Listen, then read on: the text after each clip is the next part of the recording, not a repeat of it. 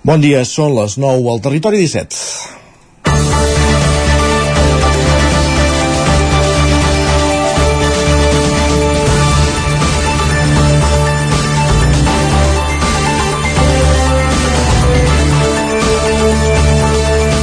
Manlleu ha tornat a començar l'any 2023 amb registres elevats de PM10, partícules en suspensió que empitjoren la qualitat de l'aire.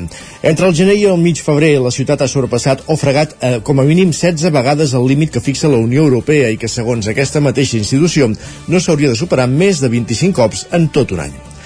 Les dades disparades coincideixen amb la publicació d'un informe de l'Institut de Diagnosi Ambiental i Estudis de l'Aigua, i d'EA, un organisme sota el paraigua del Consell Superior d'Investigacions Científiques que conclou que la contaminació a Manlleu respon a la suma d'almenys dos factors. L'emissió d'aerosols fruit de la crema de rostolls, restes vegetals, fusta i altres combustibles en llars de foc i sistemes de calefacció, quedem-nos amb això, altres combustibles, i alhora la inversió tèrmica, que multiplica la concentració de partícules a l'aire entre dues i deu vegades respecte a les condicions atmosfèriques normals. Això vol dir que la contaminació s'estanca, tarda a dissipar-se, una circumstància que, segons els investigadors de la IDEA, malmet els pulmons de les persones. L'estudi alerta que, de fet, que els efectes tòxics dels aerosols a Manlleu són fins i tot més perjudicials que els generats pel trànsit a Barcelona, ja que el 75% de les cèl·lules exposades al laboratori a aquest primer escenari morien al cap de 24 hores i, en el segon cas, en un 35%. L'Ajuntament, conscient de la problemàtica, coincidint altra vegada amb els mesos de fred, es va reunir dijous de la setmana passada i ha decidit prohibir fins al 31 de març les cremes de rostolls. La regidora de Medi Ambient defensa que la mesura s'hauria d'estendre arreu de la plana de Vic, de manera que la portaran a la taula per la qualitat de l'aire que penja del Consell Comarcal. I deia que ens quedem amb el concepte altres combustibles, perquè sovint, acompanyat aquesta notícia, atribuïm el problema a les calderes de biomassa. I això, sortint d'una fira de l'energia i la construcció sostenible on es fomenta la seva venda i ús, té la seva paradoxa. És la biomassa, les restes vegetals de neteja de boscos i camps, el problema? O són els elements no tan nobles que de vegades podem acompanyar en aquestes cremes? Estaria bé posar-hi llum. És dijous, 23 de febrer de 2023, en el moment de començar el Territori 17 a la sintonia de la veu de Sant Joan, Ona Codinenca, Ràdio Cardedeu, Ràdio Vic, el 9 FM i també YouTube, YouTube, Twitch, el 9 TV i la xarxa més. Territori 17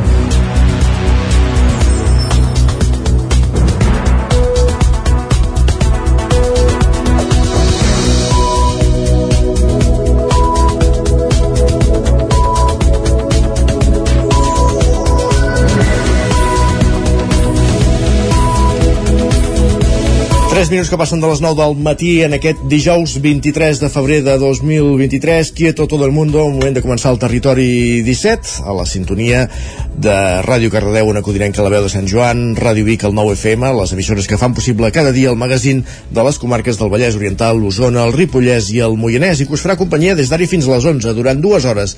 Amb quin contingut? Us l'avancem tot seguit. En aquesta primera mitja hora ens dedicarem a l'actualitat de les nostres comarques, entrarem a fons en les notícies més destacades destacades també farem un cop d'ull a la previsió del temps, ara que hi ha moviments meteorològics, i anirem al quiosc a conèixer quines són les portades del dia. A partir de dos quarts de deu serà el moment de passar per l'R3, recollint les cròniques dels oferts usuaris de la línia Barcelona-Vic Ripoll-Puigcerdà i acte seguit a l'entrevista parlarem de vol lliure. Eh, ens acompanyaran en Xavier San Fulgencio, el president del Club Vol Lliure Serra Cavallera de Parapent, que aquest cap de setmana, ja que aquest cap de setmana acull la primera trobada de la selecció catalana de Hike and Fly entre Sant Joan de les Abadesses i Ugassa. En parlarem, com dèiem, a partir de dos quarts de deu del matí, just abans d'anar a la plaça, l'espai de nova economia que cada setmana ens acosten la Maria López des de Ràdio Televisió Cardedeu i 11.cat. Arribarem al punt de les 10, si és el cas, amb música, notícies, la previsió del temps i a un quart d'onze, a la Foc Lent, coneixerem Paco Guirao, de la Fonteta, al centre cívic de Sant Feliu de Codines. Bé, de fet, de la taverna, del restaurant que hi ha en aquest centre cívic, en Roger Rams ha parlat amb Paco Guirao i avui coneixerem la, proposta, la seva proposta gastronòmica.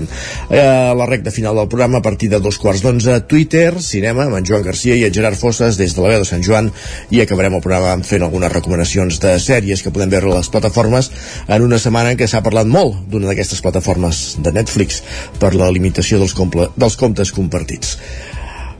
Aquest és el menú del Territori 17 d'avui dijous 23 de febrer de 2023 i ara que Passen 5 minuts de les 9 del matí, el comencem a servir amb les notícies més destacades de les nostres comarques, les comarques del Vallès Oriental, Osona, el Ripollès i el Moianès.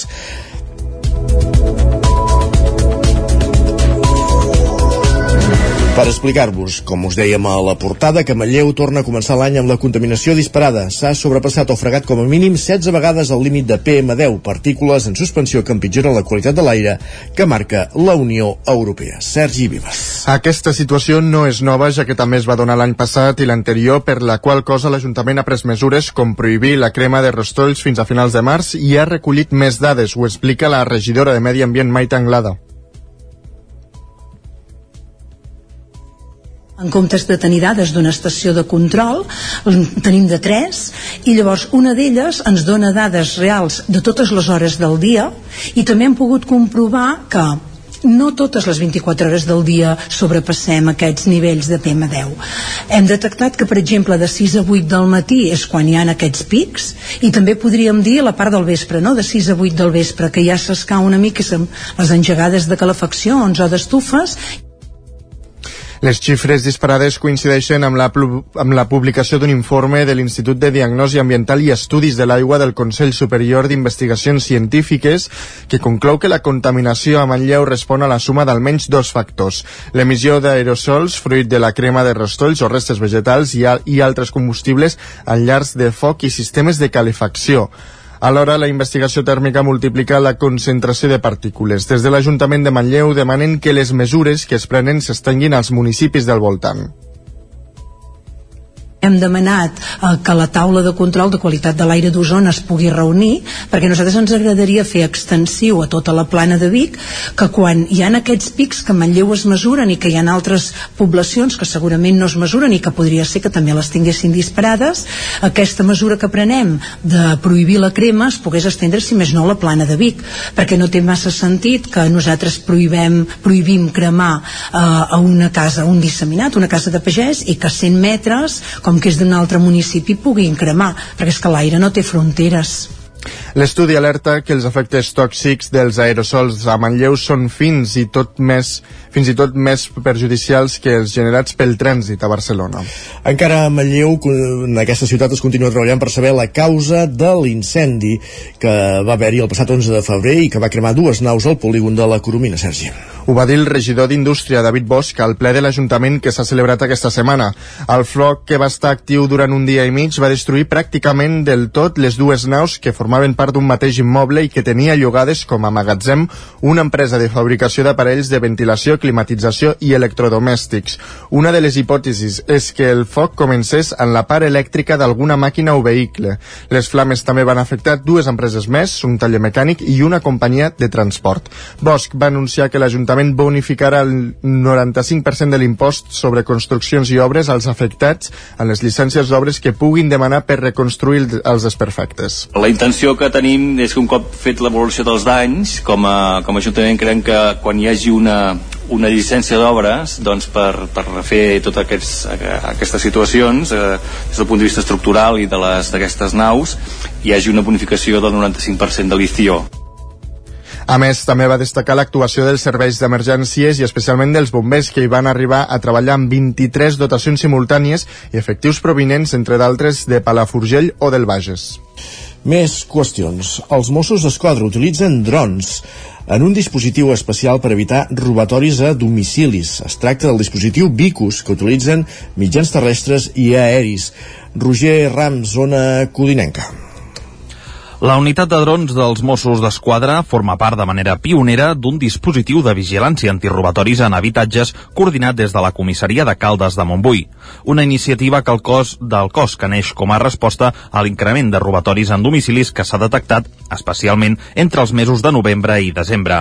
A més de drons, el dispositiu inclou també mitjans aeris, un augment d'efectius i la coordinació entre els Mossos d'Esquadra dels dos Vallesos, l'Oriental i l'Occidental, i també el Moianès, i vuit policies locals locals, com ara la de Sant Feliu, la de Caldes o la de Vigues i Riells, entre d'altres.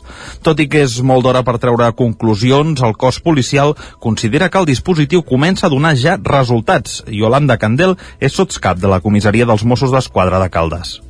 Sí, fa unes setmanes que el tenim,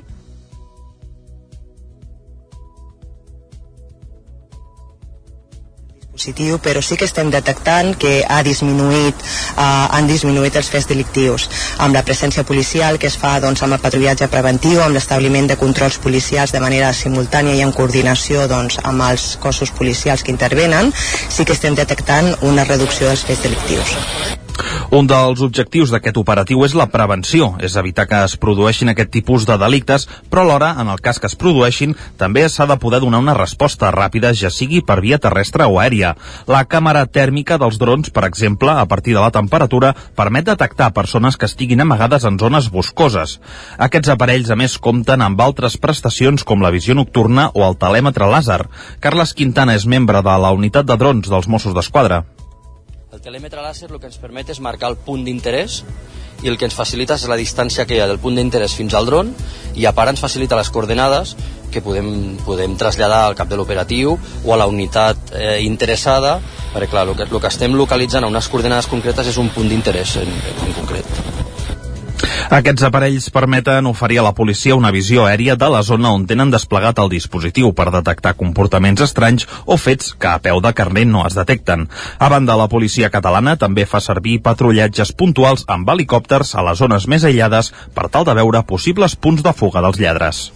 Gràcies, Roger. Més qüestions. L'usonenc Àngel València, de la Unitat Canina de Protecció Civil de Tona, ha participat juntament amb la seva gossa Canda en les tasques de rastreig de supervivents a Turquia, després que el terratrèmol deixés ciutats plenes de runes i dolor. Sergi. Dues setmanes després dels terratrèmols, Turquia ha donat per acabada la recerca de supervivents davant la incertesa de moltes famílies. Ho va decidir dilluns el govern turc després de 24 hores sense trobar cap persona viva i quan s'han recuperat més de 46.000 cadàvers.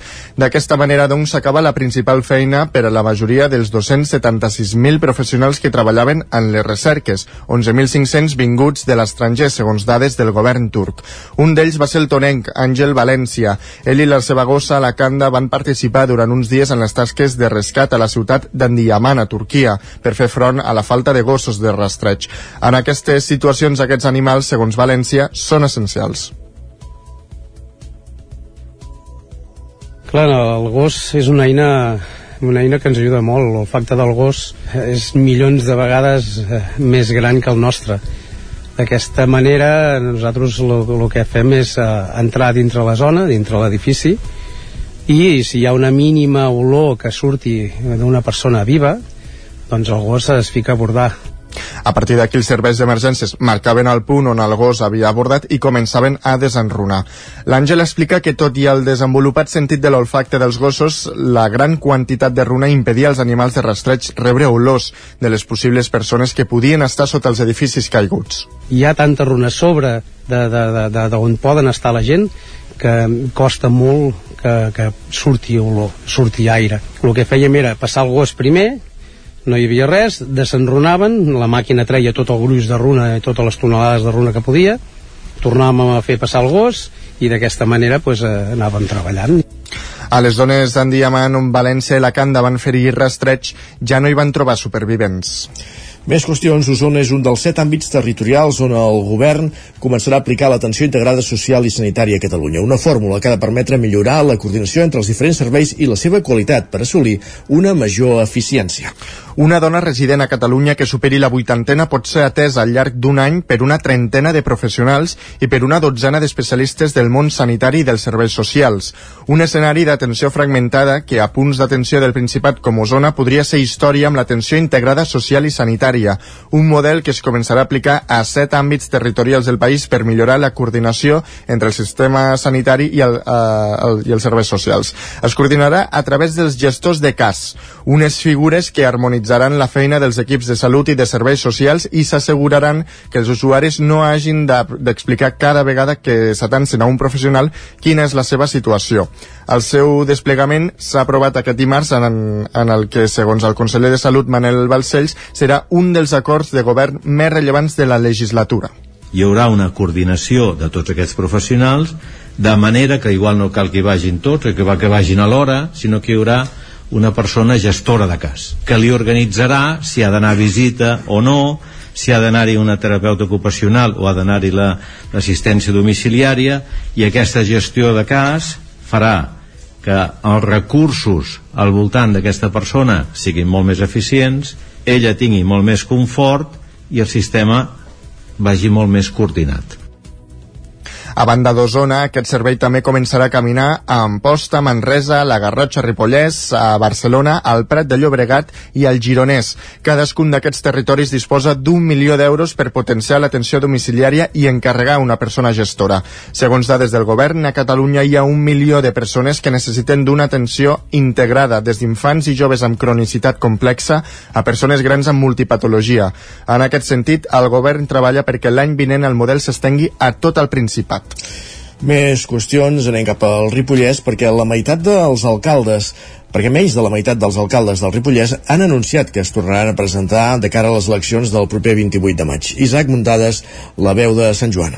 Falten poc més de 90 dies per les eleccions municipals del pròxim 28 de maig i només hi ha 6 dels 19 alcaldes de la comarca del Ripollès que han anunciat que es tornaran a presentar. Entre ells n'hi ha que s'han estrenat a l'alcaldia aquest mandat, com Judit Cornellà, César Uller, David Verge i Joan Casadevall, alcaldes de Campelles, Gombrèn, Planoles i Set Cases respectivament. Verge ja havia estat a l'oposició del consistori planolenc, mentre que Casadevall havia estat tant al govern com a l'oposició. En canvi, Amadeu Rossell, de Llanàs, intentaran encadenar un tercer mandat consecutiu, mentre que en el cas de Ramon Roquer, l'alcalde l'alcalde de Sant Joan de les Abadeses i el més longeau del Ripollès, intentarà encadenar el seu cinquè mandat. Serien 20 anys governant des del 2007 si aconseguís repetir la victòria, tot i que prèviament havia estat 4 anys més a l'oposició. A l'altre cantó de la balança hi ha els alcaldes que segur que no repetiran. La baixa més sonada és la de Jordi Monell, que ha estat batlle durant 12 anys des del 2011 i regidor del consistori Ripollès des del 1991 sota les sigles de Convergència i Unió i Junts per Ripoll. Des d'aleshores ha estat tant a l'oposició com a l'equip de govern en diverses ocasions. Tampoc repetiran Josep Trems d'Ugassa i Mònica Bonsoms de Vilallonga de Ter, que han estat 12 i 8 anys al capdavant dels seus respectius ajuntaments. També plegaran després de només un mandat Andreu Llimós i Eduard Ramo de les Lloses i Vallfogona del Ripollet respectivament. Sorprèn més la quantitat d'indecisos o que encara no han verbalitzat la seva decisió, sobretot dels tres dels cinc pobles més grans de la comarca. A Can Davant, Dolors Costa està intentant fer una llista d'independents, però hores d'ara no se sap si la tirarà endavant. L'alcalde de Camprodon, Xavier Guitart, tampoc ho sap, el mateix que Mònica Sant Jaume de Ribes de Freser, que a més a més aquests darrers mesos ha baixat el ritme de vida per la seva recent maternitat. A Molló, l'actual alcalde Pep Coma segurament repetirà, mentre que és més dubtosa la continuïtat de dues cambres a Sant Pau de Segúries. No es té constància de què faran Joan Bernades de Toses, alcalde des del 2012, i Jordi Ubach de Pardines, que es va estrenar l'any passat a l'alcaldia. Així doncs, a hores d'ara, només un 31% dels alcaldes actuals es tornaran a presentar,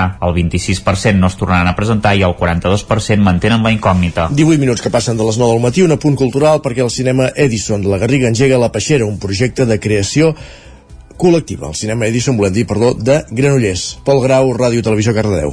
El Cinema Edison de Granollers, juntament amb l'Associació Cultural, engega aquest mes el projecte de creació audiovisual col·lectiva La Peixera, adreçat a joves entre 16 i 26 anys. El projecte pretén crear al llarg d'aquest any un espai per desenvolupar peces audiovisuals col·lectives a través de mentories i tallers. Les inscripcions es faran a partir de dilluns i fins al 16 de març i podran participar principalment joves del Vallès Oriental. La iniciativa de La Peixera, creació audiovisual col·lectiva, ha sorgit de la crida Edison, aquest projecte, que va començar l'any passat i que reuneix joves amb interessos cinematogràfics i audiovisuals, perquè participin en processos de creació i governança del cinema Edison. La Peixera també compta amb impulsors com l'Eixida Cultural i Nadir, Audiovisual i Educació. Els joves participaran en el projecte amb l'objectiu de crear curtmetratges amb l'ajuda i el suport de professionals de l'audiovisual. Per això, els participants faran diversos tallers i mentories on es treballa la creació inicial, passant per l'edició, el rodatge i l'exhibició final del curtmetratge. La primera sessió serà el dissabte 25 de març, amb una jornada especial de presentació dels participants. Els rodatges es faran al juliol i l'exhibició del rodat final tindrà llocs a finals d'any. La Peixera acollirà un total de 30 persones, que l'han de tenir disponibilitat els dimecres a la tarda. L'horari en què es faran les sessions al cinema Edison. Per participar-hi no cal tenir experiència prèvia o exponeixement sobre els productes cinematogràfics. Només ganes d'aprendre i motivació per treballar en equip.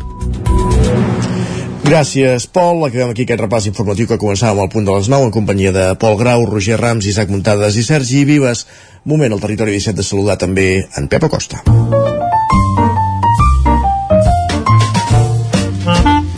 Casa Terradellos us ofereix el temps. I qui és en Pep Acosta? El nostre home del temps, que com cada dia ens explica com evolucionarà el cel en les properes hores, en una setmana, en uns dies, en què està content perquè hi ha moviments. Pep, bon dia, benvingut. Hola, què tal? Molt bon dia. Què tal? Com va tot? Bé, ja som Content? dijous, uh, va avançant la setmana, uh, es va acabar el mes també, i per tant tot va molt i molt de pressa. Per fi, una mica de canvi de temps. Ahir vam tenir les primeres pluges, uh, més de 20 litres en zones del Pirineu, uh, cap a Núria, Ull de Ter, zones pròximes, uh, una pluja maca, precipitacions maques, en forma de neu, a partir d'un 2.000 metres, una bona, una bona nevada, eh? una bona nevada en aquelles zones, uh, excel·lent notícia, Uh, tot i que llàstima que les precipitacions es van concentrar molt al Pirineu Oriental només i no, no van sortir d'aquesta zona uh, a fora del Pirineu uh, vam tenir les llistes molt, molt poc, molt poc importants. Ens anem avui amb unes temperatures uh, força suaus, només hi ha una tímida glaçada a molt alta muntanya, a la resta, de, a la resta del territori, les mínimes els 5 i els 10 graus de majoria, eh? No, no baixen ni dels 5 graus les temperatures. I, ens, i avui serà un dia amb molt núvols. Ja tenim ara molts núvols i durant tot el dia hi haurà aquesta nuvolositat eh, que serà més important de cara a la tarda. Tot i que ara aquest matí ja poden caure algunes precipitacions cap al Pirineu, cap a Osona, seran zones on més poble aquest matí, de cara a la tarda, eh, tarda vespre també plourà, eh, gairebé a totes les poblacions de les dues comarques. Eh, serà una pluja bastant feble. No, no... Llàstima que no, no plourà molt, molt ni de bon tros. Eh, jo crec que entre la majoria de pluja entre el 0 i els 5 litres, sobretot al Vallès, eh, Moianès, Osona, entre 0 i 5 litres, només la pluja una mica més destacada com ahir cap a la zona del Pirineu, on poden tornar a caure eh, 15, 20, 25 litres. Eh, bona notícia, però serà eh, una pluja eh, molt concentrada en aquella zona i per mala sort una altra vegada no serà ni molt intensa ni molt extensa eh, una, una, una situació molt molt preocupant Uh, les temperatures baixaran, baixaran la majoria de màximes entre els 12 i els 16 graus. No passarem d'aquests 16 graus a gairebé cap, cap uh, localitat, lògicament per sota a les zones de muntanya, on farà força fred. La cota de neu uh, voltarà uns 1.500-1.600 metres. Uh, neu a la zona de, de Vidater, lògicament, al Pirineu, i els cims més alts, a Transversal, del Montseny, i fins i tot alguna, algun cim de les Guilleries també una mica de neu. Uh, la nevada només serà una mica intensa cap al Pirineu, eh? A les altres zones, uh, quatre volves de neu si és que arriben a caure, molt, molt poca cosa. Els vents febles, de direcció variable, eh, tot i que entra una mica vent de nord, que serà una mica moderat a les zones més altes de les muntanyes. Eh, cap, cap cop fort ni molt menys, una mica, una mica moderat. I això és tot, a disfrutar d'aquest petit canvi de temps, eh, una mica de núvols, i esperem que pluja volarà cap al Pirineu, a la resta a pluja eh, poc intensa, i per fi una mica més de fred. Avui farà un dia força, força fred. Moltes gràcies, adeu. una mica més de fred i pluja poc intensa a partir del migdia a les nostres comarques. Gràcies, Pep, parlem més tard. Casa Tarradellas us ha ofert aquest espai. I anem volant cap al quiosc, perquè és moment de saber, Sergi, quines són les portades dels diaris del dia, per on comencem? Doncs comencem pel punt avui, que encapça la portada amb el titular català agònic. Expliquen que el 53% dels barcelonins fan servir poc o mai la llengua del país. En aquest sentit, l'Ajuntament impulsa un pla de foment i Òmnium preveu l'activisme. També diuen que el marc legal dels concerts educatius fomenta la segregació escolar. Expliquen que un estudi de la Fundació Bofill recomana actualitzar el decret per repartir millor els més vulnerables. Per altra banda, també destaquen que una funcionària veia irregularitats durant la gestió de Laura Borràs diu que fins ara no ho havia explicat perquè s'havia contingut amb la intenció de no afegir més llenya al foc. Fins i tot Bill Webb reconeix que aquest testimoni compromet molt Laura Borràs, per tant ha de ser comprometedor. Sí. Més qüestions. El periòdico diu que l'arsenal espanyol es buida per ajudar a Ucraïna. Diuen que el govern ha donat pràcticament tota la munició disponible. En aquesta línia, un alt càrrec de l'exèrcit ha advertit al Ministeri de Defensa que el país està al límit de l'estoc de seguretat. La Vanguardia diu que la tragèdia de les nenes de Sallent fa aflorar la crisi de la salut emocional juvenil. Expliquen que els Mossos investiguen si un presumpte cas de bullying va portar les bessones a saltar pel balcó, caiguda que va causar la mort d'una d'elles. També destaquen que el pare de les dues germanes assassinades el 2022 al Pakistan perquè van rebutjar un matrimoni concertat va ser detingut ahir a Terrassa com a presumpte inductor del doble crim. Lara diu que l'Eurocambra reclama a Espanya claredat i menys burocràcia amb els fons Covid. Afegeixen que no troben infraccions o incompliments, però sí manca de transparència. També expliquen que les mesures antiinflació del govern espanyol afavoreixen les rendes altes segons el Banc d'Espanya. Diuen que l'organisme critica les rebaixes de l'IVA i proposa substituir-les per transferències a famílies vulnerables. I anem cap a Madrid. El país diu que el govern central promet a Brussel·les un augment de les quotes d'autònoms. Apunten que els ingressos públics pujaran fins a 6.500 milions a l'any per l'alça progressiva de les seves cotitzacions fins al 2032. L'ABC ha entrevistat a la presidenta de la Delegació Europea sobre Igualtat. Diu que li preocupa el que està passant amb la llei del només sí és sí. Diuen que la presidenta ha tornat a Brussel·les comprovant que hi ha problemes en la coalició i que serà molt complicat canviar els errors que han beneficiat els agressors. Per altra banda, el Mundo diu que Negreira va exigir al Barça pagaments per tants anys de favors prestats. En concret, el número 2 dels, dels àrbitres va demanar al club més de 260.000 euros, destacant les confidències compartides en allò personal i professional. S'ha de ser ruc perquè la veritat és que això no s'ha notat, però vaja, en fi. Uh, acabem aquí aquest repàs als diaris, gràcies Sergi. Uh, fem una petita pausa i de seguida tornem amb més continguts. Passem per l'R3, l'entrevista, tot aquí, al Territori 17. Fins ara mateix. El nou FM, la ràdio de casa, al 92.8. Piscines en export. Disseny, garantia, qualitat... Excavacions en export. Excavacions i moviments de terres, enderrocs i murs de pedra natural. Piscines i excavacions en export. Som a l'Atmella del Vallès. Telèfon 93 843 2577. Més informació a anexport.es. No t'ho creuràs, m'ha trucat el servei tècnic oficial de Saunier Duval perquè han detectat a distància que li falta aigua a la caldera. Era a casa i no me n'havia adonat. I què has fet? Res, perquè el meu servei de manteniment Mi Saunier Duval Connect m'ha donat una solució en qüestió de minuts. Informeu-vos a connectivitat.saunierduval.es. Saunier Duval, sempre al seu costat. Al forn de pa i pastisseria Glina hi trobareu una gran varietat de pans de producció pròpia amb farina de blat i de molts altres tipus, tots elaborats al nostre obrador. També us oferim tortells, braços de gitano, coques, brioixeria i pastes seques i pastissos personalitzats. I ara també ens trobareu al Mercat Municipal de Torelló. Forn de pa i pastisseria Glina, carrer Major número 9 de Sant Vicenç de Torelló i Mercat Municipal de Torelló. Ser a prop vol dir veure les coses més bé. Apropa't al que t'interessa amb la xarxa Més.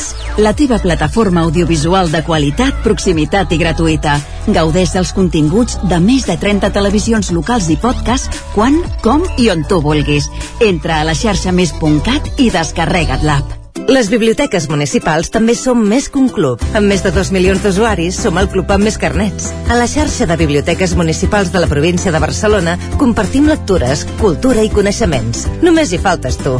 Visita bibliotecavirtual.diva.cat. Fes-te el carnet i gaudeix de tots els seus avantatges. Diputació de Barcelona. Cocodril Club.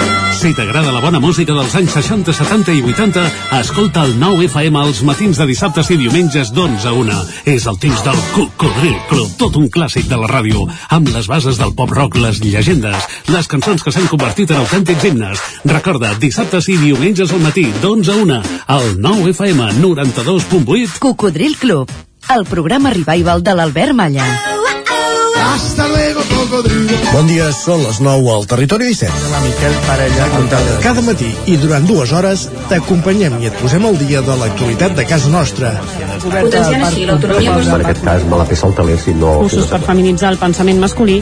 Territori 17, el magazín matinal d'Osona, el Moianès, el Ripollès i el Vallès Que Oriental. la meva àvia de 93 El anys... 9 FM, el 9 TV, el 99.cat i també els nostres canals de Twitch i I YouTube. demà per fer-se un tatuatge. Cada matí, Territori 17. Ole.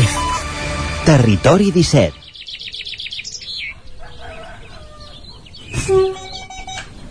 A Tren d'Alba. Cada dia els usuaris i usuàries de la línia R3 de Rodalies que veuen sortir el sol des d'un vagó ens expliquen les gràcies i les penes del primer comboi que uneix Ripoll i Barcelona o les feixugues jornades amb el tren després de treballar. Benvinguts a Tren d'Alba. Avui una informació de servei, i és que hi haurà afectacions en la línia R15 per obres de millora de DIF entre Reus i els Guiamets. Això provocarà que els dies 25 i 26 de febrer els trens de la línia R15 pel costat de Tarragona finalitzaran el seu recorregut a Reus i pel costat de Saragossa arribaran fins a l'estació de Mora la Nova. Els trens afectats, per a garantir la continuïtat dels clients, es farà un transbord per carretera entre les estacions de Reus i Mora la Nova. Adif està executant obres de centralització dels bloquejos entre els enclavaments de la línia R15 que permetran una millora de la comunicació per a la gestió directa d'aquests enclavaments. Tot això comporta treballs d'instal·lació, proves en camp i posada en servei de la modificació en les següents estacions, els Guiamets, Marçà Falset, Pradell, Riu de Canyes, Botarell, les Borges del Camp i Reus, que comportaran un tall total de la circulació entre aquestes estacions durant aquest cap de setmana. Va, ens retrobem dilluns amb més històries del tren i de l'R3.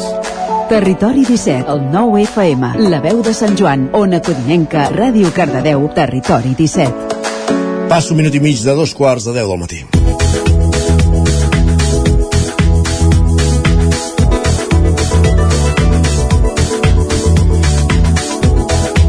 Si el temps ho permet, aquest cap de setmana es farà la primera trobada de la selecció catalana de Hike and Fly, que està impulsada pel Club Vol Lliure Serra Cavallera de Parapent de Sant Joan de les Abadesses i Ugassa. Ara mateix encara no hi ha selecció catalana i serà una manera de promocionar la zona Isaac Muntades, la veu de Sant Joan. Bon dia, Isaac. Sí, i avui per parlar-ne tenim nosaltres aquí a l'estudi de la veu de Sant Joan en Xavier San Fulgencio, que ell és el president del Club eh, Vol Lliure Serra Cavallera de, de Parapent, que ens explicarà doncs, amb una mica de detall què es preveu fer aquest cap de setmana. Bon dia, Xavi, moltes gràcies per ser avui al Territori 17 amb nosaltres. Hola, bon dia, moltes gràcies. Primer de tot, des de fora ara, ara ens sobtava eh, això, que, que encara no hi hagi una selecció catalana de la modalitat de, de hike and fly de parapent, perquè de tot eh, se'n fan seleccions, no? I, i però era lògic que, que no hi fos pel nombre de practicants, potser? Per què s'ha decidit impulsar? Eh, bé, el, el fet és que sí, tu, com tu dius, són pocs els, els, els practicants d'aquesta varietat del parapent, i, però encara i així hi ha molt, molta, d'aquests poca gent que, que el practica hi ha força gent molt potent i, i s'ha decidit fer perquè així es potenciaria encara més si fem destacar els que més en saben i els promocionem, també hi ha molta noia que s'ha apuntat i que està molt en forma doncs creiem que és una manera de potenciar aquesta, aquesta variant de l'esport fer una selecció i que més endavant, no per aquest any, es pugui presentar a competicions. Uh, per què, Xavier, la federació es posa en contacte amb vosaltres? És a dir, la, la vostra predis- predisposició ja entenc que va ser màxima des del minut zero? Sí, però mm, ben bé la cosa va ser una mica al revés. Vam ser nosaltres, des del club, eh, que ens vam posar en contacte amb la federació per proposar-los fer-ho. És a dir, abans hi havia una mena de d'equip de tecnificació, per dir d'alguna manera, que era autogestionat pels que estaven més capdavanters i ells s'organitzaven algunes coses, la federació els, els donava un cop de mà, i el, el, van veure que no, això no acabava de funcionar. No hi havia un compromís, no hi havia tampoc una, no de la federació, eh? vull dir compromís entre ells mateixos, era com una colla d'amics que són els millors i que queden. Llavors en Freddy, en Freddy Tosset que és en, el, el tresorer del club i un molt, un esportista del nivell en, en, aquesta, en aquesta variant em va demanar si entre tots dos ho podíem gestionar i fer la proposta a la federació i la federació ha estat oberta, ens ajuda econòmicament i, i ens dona suport en, bueno, per, perquè ho tirem endavant -huh. Tot i fer una selecció catalana, en principi no demanareu resultats esportius, això és el, el que es comentava, almenys en principi de manera immediata, eh? Per què això? Bé, primer perquè una selecció en qualsevol esport es genera amb un rànquing.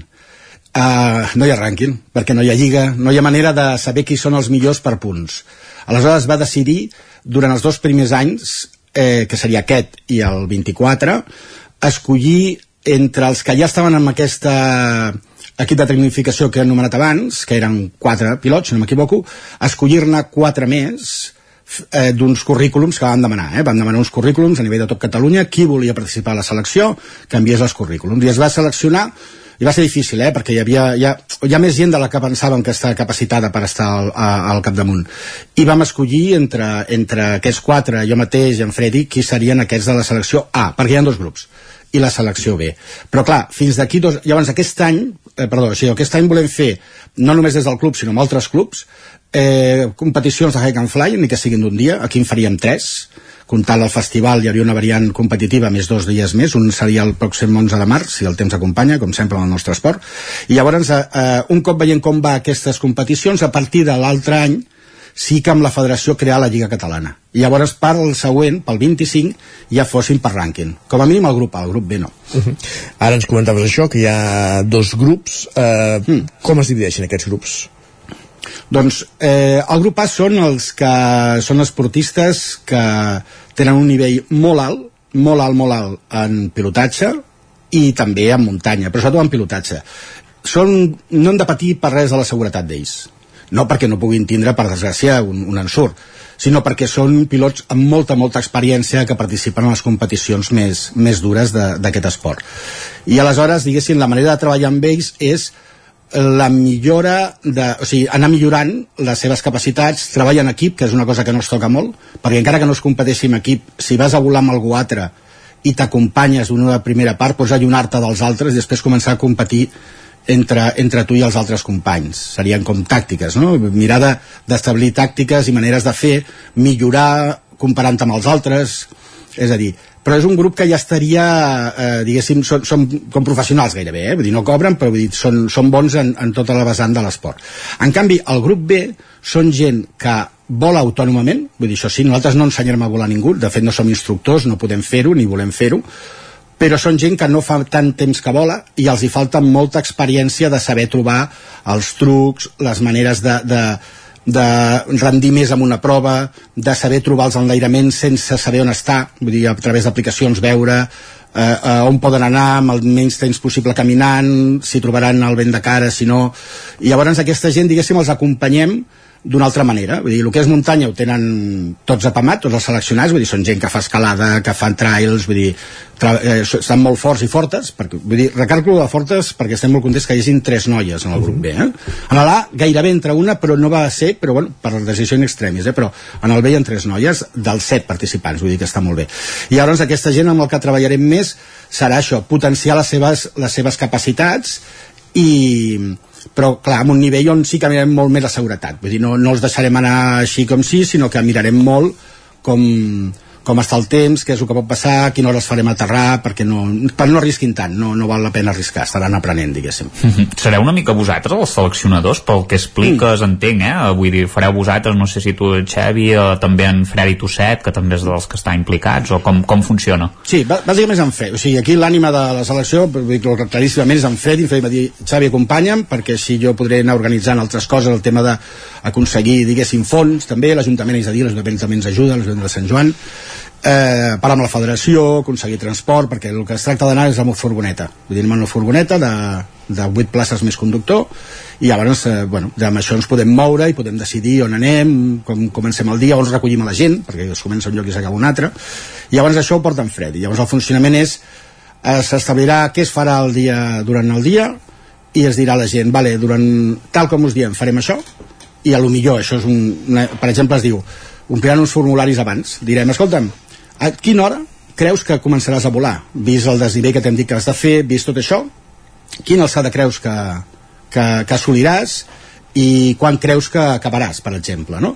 Tot això basat en la predicció del temps, a observar els mapes, veure quin és el lloc on et mouràs, i al final del dia anirem al Palmas i allà veurem eh, la resposta si tenen perquè clar, nosaltres hi fem un seguiment eh? Vull dir, porten un track i nosaltres després validem, mirem aquest track i diem, vale, del que tu has dit, sortir, has dit que sortirà a les 11 s'ha acabat sortint a la 1 per què? Què ha fallat?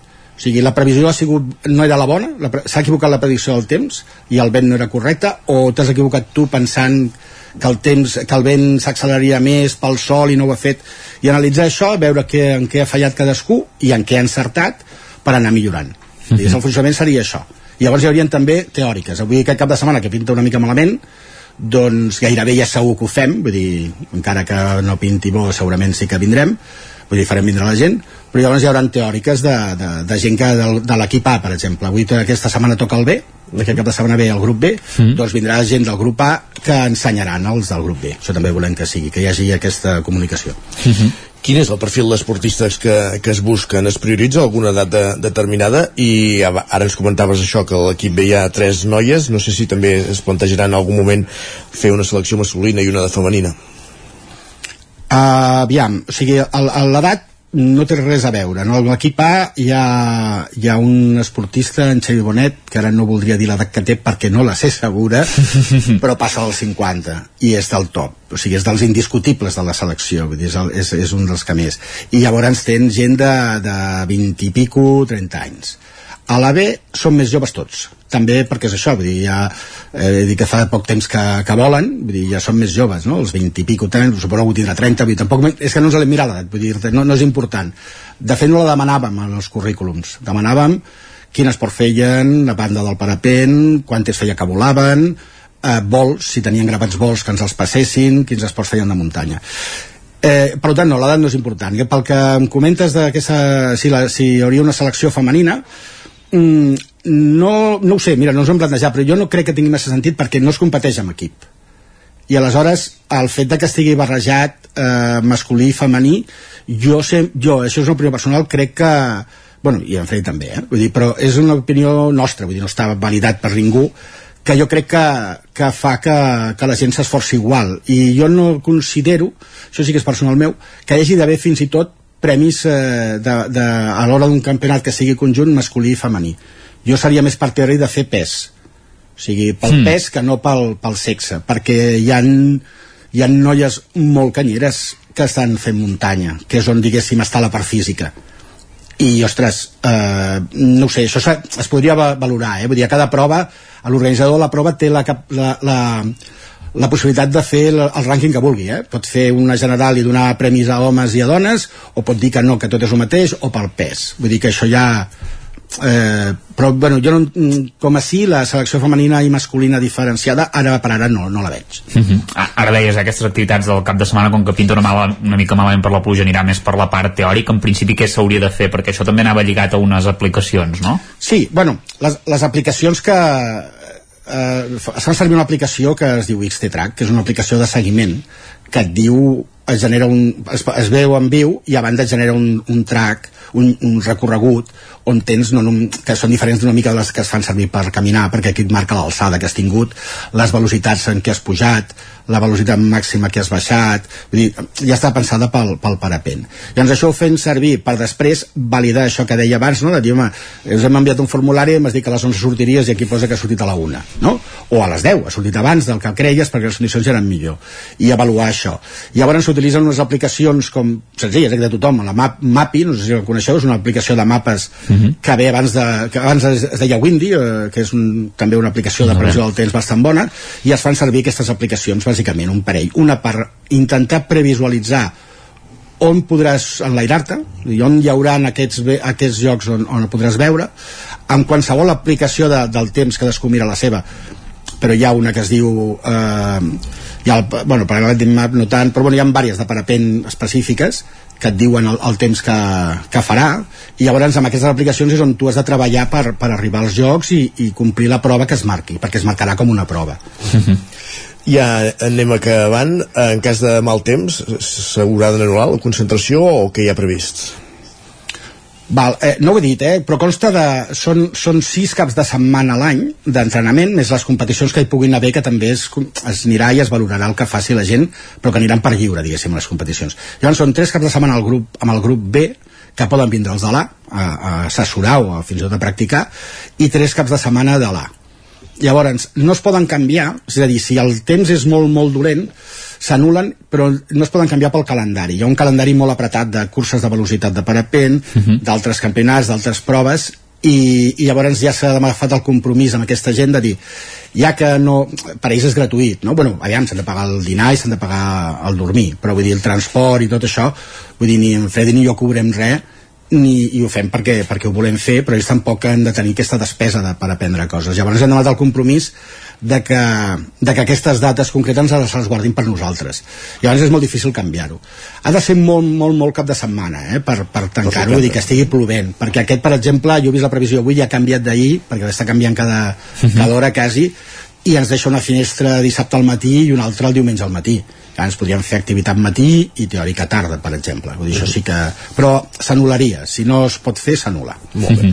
Xavier San Fulgencio, del Club Vol Lliure Serra Cavallera de, de Parapent, gràcies per ser avui al Territori 17 per explicar-nos aquesta primera concentració de la selecció catalana de Hike and Fly que, que es trobarà aquest cap de setmana a Sant Joan de les Abadesses. Bo, que vagi molt bé l'activitat la, i gràcies per acompanyar-nos. Moltes gràcies a vosaltres. Gràcies, Isaac, també un dia més parlem més tard. A vosaltres. Fins ara. Fins després. Avancem al territori 17 i anem cap a la plaça.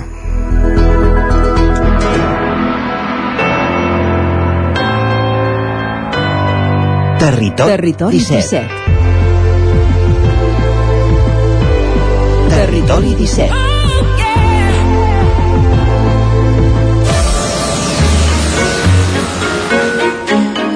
Anem cap a la plaça, l'espai de nova economia que dediquem, a la qual dediquem els dijous en aquesta darrera part de la primera hora per arribar a l'equador del programa, un espai que ens acosta la Maria López des de Ràdio Televisió Cardedeu en companyia de 11.cat i avui m'ha dit un ocellet que volem parlar de pagaments. Maria, benvinguda, bon dia.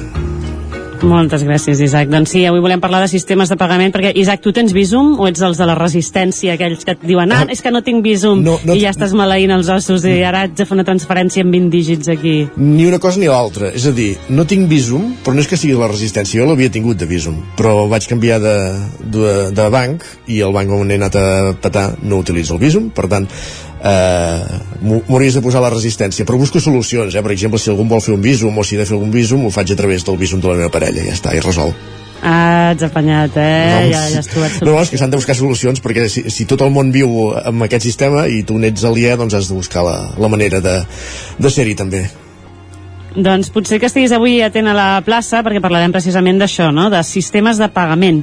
I és que les formes més tradicionals d'intercanvi de diners eh, s'han afegit moltes altres alternatives a l'hora de fer arribar els diners a una altra persona.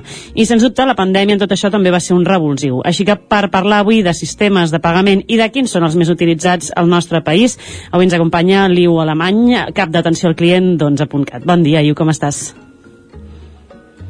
Bon dia, com esteu? Doncs aquí amb ganes que ens expliquis una miqueta, perquè jo ara li preguntava a l'Isaac si tenia visum sí. o era el del cost de la resistència, però ens agradaria que ens expliqués una miqueta més quins són els, els diferents eh, sistemes de pagament més utilitzats actualment al nostre país.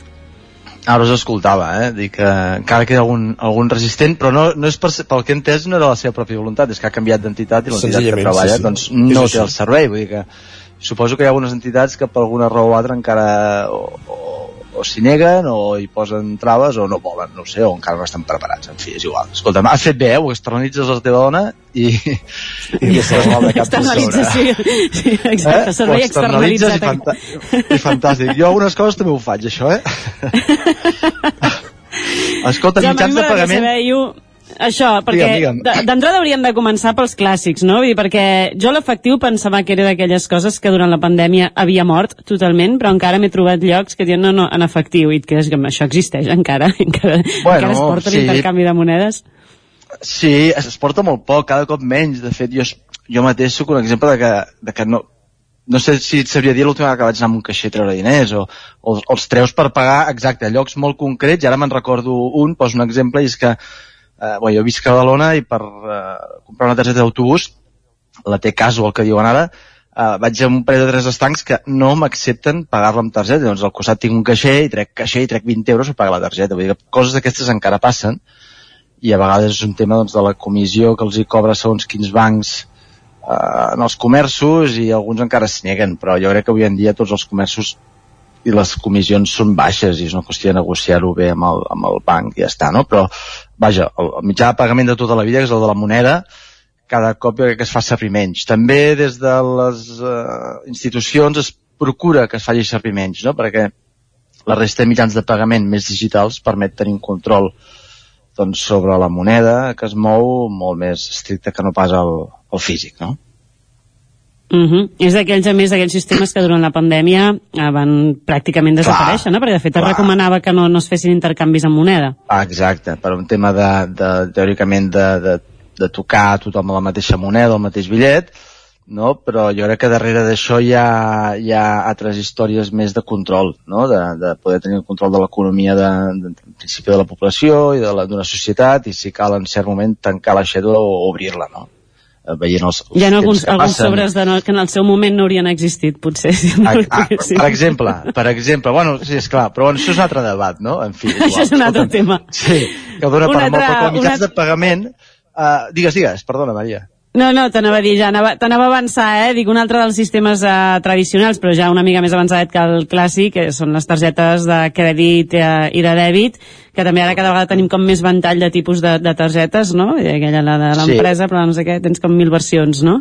Ara tens mil versions de la pròpia entitat amb la que treballis fins a grans comerços que et donen les seves targetes perquè les, ho paguis a través de les seves, les seves financeres amb certes millors condicions o no però aquest segurament sigui encara el, el mitjà més, més fet servir, no? tant de crèdit com de dèbit. Eh? No sé si és necessari recordar les, la diferència entre una i altra. No? La de dèbit és aquella que quan pagues es basa en els diners que tinguis en el compte, en el saldo, i per tant si tens diners podràs pagar i es retira el, del, del, del compte immediatament, i crèdit és allò que pagues, doncs, crèdit tal com diu el nom, no? i doncs el mes següent es carrega sobre el crèdit que tinguis en aquella targeta, el que hagis gastat se't retira, i ja està. No? Això té, ser riscos, si un sap gestionar-ho bé no hi ha problema, però com un no ho sàpiga gestionar bé, doncs a la llarga pot suposar doncs això, problemes a l'hora de, de, de, de fer front als pagaments de la, de la, de la targeta quan te'l reclama, no? I després ja la pandèmia encara ha accentuat més és tot el tema de l'e-commerce, no? del, del pagament virtual a través de, de, de plataformes com poden ser doncs, els de PayPal, no? Aquí volia entrar, per exemple, amb el PayPal, no? que, que tot i que és una, diguéssim, una plataforma, un sistema que porta més de 20 anys, si no m'equivoco, tot i així hi ha molta gent que encara no l'ha fet servir mai i que encara ens sona com a molt nova, no? I, i però té la seva carrera ja. Té, té la seva carrera ja, no? Perquè al final no deixa de ser doncs, que associes el teu compte bancari o el teu, la teva targeta en el, el compra d'aquest sistema de pagament i directament fas a través d'aquesta plataforma sense haver de posar les targetes pel mig, no?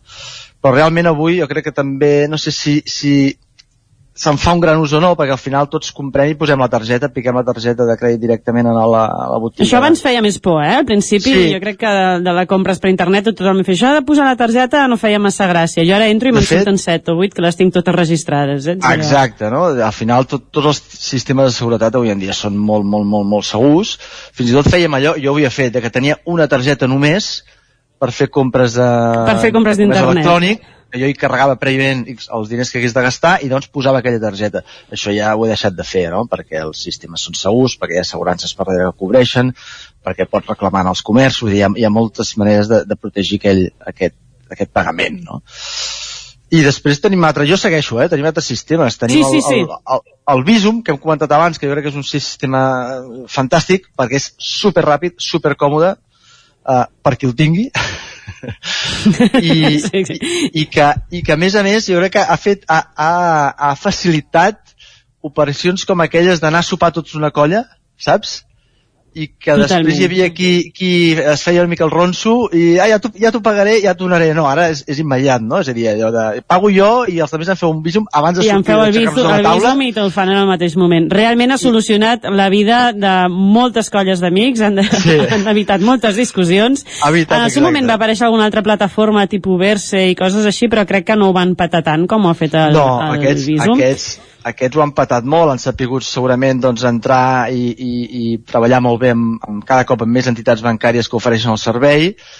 I em sembla que en aquest moment, eh, abans d'entrar mirava quatre dades, em sembla que hi ha a la vora de 19 milions d'usuaris ja de Visum, eh? o sigui que, que això va increixendo. Vull dir que, és que, és que és, Això es diu el, el, el, que- el que l'ha provat i el que el té és, és immediat, és, és, és fantàstic, vull dir que no, no té cap secret i, i, i, i la rapidesa és, és brutal, no has d'esperar un dia o dos dies com temes de transferències, no? que seria un altre sistema de pagament. Et faig una transferència i et pago. Bueno, les transferències ja, Sí, ja tarden... el dia següent, o que tarden Exacte, el dia dies, següent, comissions... enganxes, enganxes el cap de setmana entremig i arriba el dilluns, eh, mentrestant aquests diners eh, eh, que, que deixen de ser meus, els té el banc i el banc mentre no t'arriba a tu, ells, ells els fan servir per altres raons i per tant vull dir que hi ha, hi ha, hi ha més xitxa darrere una transferència normal que és, és inevitable fer-la servir a nivell de, doncs a nivell d'empresa, a nivell de, de grans operacions, però segurament en el nivell particular, que és el que estem parlant, de maneres de pagar, potser la transferència és la menys potser la menys pràctica, pràctica, no? una mica així. Jo tinc, jo tinc una curiositat, ara ens, l'Isaac ens explicava no, que la seva entitat bancària ha deixat de fer servir Visum. Per què una entitat pot estar interessada o tot el contrari no voler treballar amb, aquesta, amb aquest sistema? Bueno, una mica el que comentava abans, perquè depenent d'alguns sistemes de pagament, aquests diners hi ha cert moment que l'entitat pot perdre'n el, el, el control o, o l'ús que en fan darrere, no? És a dir, el que explicava, una transferència normal i corrent que jo t'hagi de fer a tu, jo te la faig avui abans de la tal hora i segurament la rebràs avui mateix, però si te la faig eh, després de tal hora o és un divendres i el de setmana entremig, aquells diners hi ha un moment que entre que els tinc jo i no els tens tu, el banc els segueix tenint i els segueix movent. Per tant, d'aquí una mica que a vegades certes entitats o tinguin reticències perquè perden el control o perquè senzillament potser no els hi surt a compte poder oferir aquell servei o poden haver-hi mil raons i algunes doncs no, no, no les sabràs mai. Jo crec que a poc a poc es anirà, es anirà, es anirà extenent, eh? vull dir que totes les entitats no, no, no es voldran pas quedar enrere de, de, de tenir això. I fins a quin punt, no dic perquè això a vegades he sentit comentaris i no sé fins a quin punt és, és una, mena, una mena de bulo o de control, o sigui, fins a quin punt, per exemple, Hisenda controla quins pagaments es fan a través d'aquí. Jo he sentit moltes vegades allò, a vegades des de bromes respecte al concepte que has posat quan has fet el visum, que això doncs, eh, sempre hi ha ah. grups d'amics i sobretot quan plegues sí. d'un sopar doncs poden... eh, A Poden ser vegades no es posa ben bé el que ha sigut, no? Exacte, són divertits. I, i d'altres vegades també, no? Doncs això, el, el segons que posis, si és molt elevada la quantitat del visum, que no pugui causar alguna sospita, per exemple, una, una colla que s'organitza per anar de vacances. Ja no estem parlant d'un sopar que has de pagar 20 o 25 euros, sinó que igual marxes de viatge i li fas Sí. al col·lega que ha fet la reserva 500 euros. Per posar un exemple, eh? Vull dir, aquí hi ha, fins a quin punt Hisenda o, o hi ha algun organisme que controli això? Mm, Jo crec que Hisenda, quan vol saber una cosa, la sap. És a dir, si ha de... Si, si t'està investigant a tu per alguna raó, investigarà tot el que tinguis a nivell econòmicament de tu. Ara realment els, els límits no els sé, però no, que jo sàpiga no, no, no hi ha un, una, una, una, que jo recordi una xifra exacta. Però a nivell, a nivell d'Hisenda, si vols saber una cosa, tu t'ho mirarà tot. És, és com la declaració, declaració d'Hisenda, no? Si no ho veuen clar, et fan una segona revisió i et diuen, escolti'm, presenti'm això, això i això. Uh, per tant, no, en aquest aspecte, jo no m'he trobat, jo he fet pagaments d'aquests, d'aquests tios, tu certs imports ja elevats. Més elevats, no? Vull dir, Jo Sí. m'he trobat això amb companys d'un viatge i dir, doncs, t'has de fer un Bizum igual de 600 euros, no? I dir, ostres, això Ja. vols dir que per Bizum no hi haurà Ja- un ja- problema? No, hi i no saps, no? No, no, jo no m'hi he trobat, jo n'he fet i no, no m'hi he trobat. Sí que els pagaments amb, amb efectiu sí que s'han fins a, em sembla que eren 1.000 euros eh, o a partir de certa moneda 10.000 però és com quan passes la frontera no? que pots portar fins a un màxim de 10.000 euros a sobre si els, si, si els si passes i no els declares tens un Això problema no m'hi he trobat, jo anar amb 10.000 No, euros creuant la Jo- frontera. Uh, hi, ha, hi ha gent d'aquí que sí, que segurament ens ho podria explicar, de gent que, que, que hi havia antigament per aquí. Però, uh, uh, com es diu? Um, en aquest cas, Hisenda, jo crec que és el que et dic, eh? Hisenda, eh, somos todos, i quan hi ha alguna història sobre algú, evidentment entraran, demanaran explicacions a l'entitat, demanaran un registre d'avisos i començaran a demanar explicacions, però... I tu allà justificant que t'has anat d'apartament a l'estiu amb els amics, eh? Exacte, doncs tu hauràs de dir que aquell concepte que vas escriure a les 3 de la matinada, doncs eh, era una broma, no? Però, però, era una altra cosa. Era una altra cosa i no anava pel que puguin pensar, però bueno, en fi. Ens queda una forma de pagament eh, així més innovadora també, que és de les jo potser que desconec més i sí que m'agradaria que expliquessis, que és el tema dels wallets. Com funcionen? Bueno, els, el, el, el, els wallets no és res més que, que com es diria, carregar, posar, posar el, el Google Pay, el Samsung Pay, l'Apple Pay, no? És a dir, són el, el, el, aquella aplicació que et dona el teu, la teva marca de telèfon o, el, sí, o la teu operador, diguem, i tu hi puguis carregar aquí les targetes que tinguis, X targetes, al moment que tu necessites que el telèfon tingui el, el, allò, el NFT, que és la manera que quan tu costes el telèfon amb un, amb un datàfon, doncs eh, es carrega, no? Pam, pagues directament, ja no tens ni la targeta del, del, del moneder, no? O, o, o amb els smartwatches també pots fer-ho, no? Llavors els, els wallets no és res més que un, una cartera de carteres, diguem-ne, on tu hi carregues les targetes que fas servir, eh, les actives i, i en el moment que vas a pagar pots, fins i tot pots decidir doncs això ho pago amb aquesta targeta, això ho pago amb aquesta altra i aquí pots carregar tot tipus de targetes els que dèiem abans, no? jo què sé, no direm marques no? però la X cadena de benzineres que té la seva targeta de pagament, la carregues aquí X cadena de... cada cop hi ha més cadenes, cadena de mobles, que hi, hi pots carregar la seva targeta i a l'hora de pagar vas allà. I doncs tens aquells beneficis que cada cadena o cada marca o fins i tot cada entitat et dona per fer servir les seves targetes. Però és senzillament això. Eh? D'altra banda, a nivell de segur, és segur? Sí, sí, sí, és el mateix que dèiem abans. Al final, totes les entitats han invertit eh, o invertit molts, molts esforços i molts diners en temes de seguretat, perquè evidentment el que vols és que la gent faci molts pagaments, perquè tu de cada pagament, tant tu com les marques de les targetes eh, cobren X comissions, i per tant aquí és on hi ha el, el, una part del negoci important, no? i per tant les entitats s'asseguren molt de que hi hagi molta seguretat perquè tu no pateixis i puguis pagar tranquil·lament amb la, amb la targeta física, amb el wallet, amb el Visum, com sigui, no? però el que es vol és que els diners es moguin perquè en generin més, no? Doncs, eh, Iu, moltíssimes gràcies. En, eh, són les 10, ja arribem al final de la plaça. Gràcies per explicar-nos tots aquests eh, mètodes de pagament. Ens ha faltat el que seria l'intercanvi tradicional d'objectes. Això ens ho podem deixar com a alternativa. Això ho podem fer per un altre dia. Això ho fem un altre dia, però moltíssimes gràcies per acompanyar-nos avui i il·luminar-nos una mica més sobre totes les possibilitats bueno. que tenim avui dia per anar pagant pel món. Moltes gràcies, Iu. Gràcies a vosaltres, gràcies. Gràcies també, Maria, una setmana més. Bon dijous. I avancem, continuem al territori 17, moment d'actualitzar-nos. Territori 17. Ara mateix passa un minut i mig de les 10 del matí. Territori 17.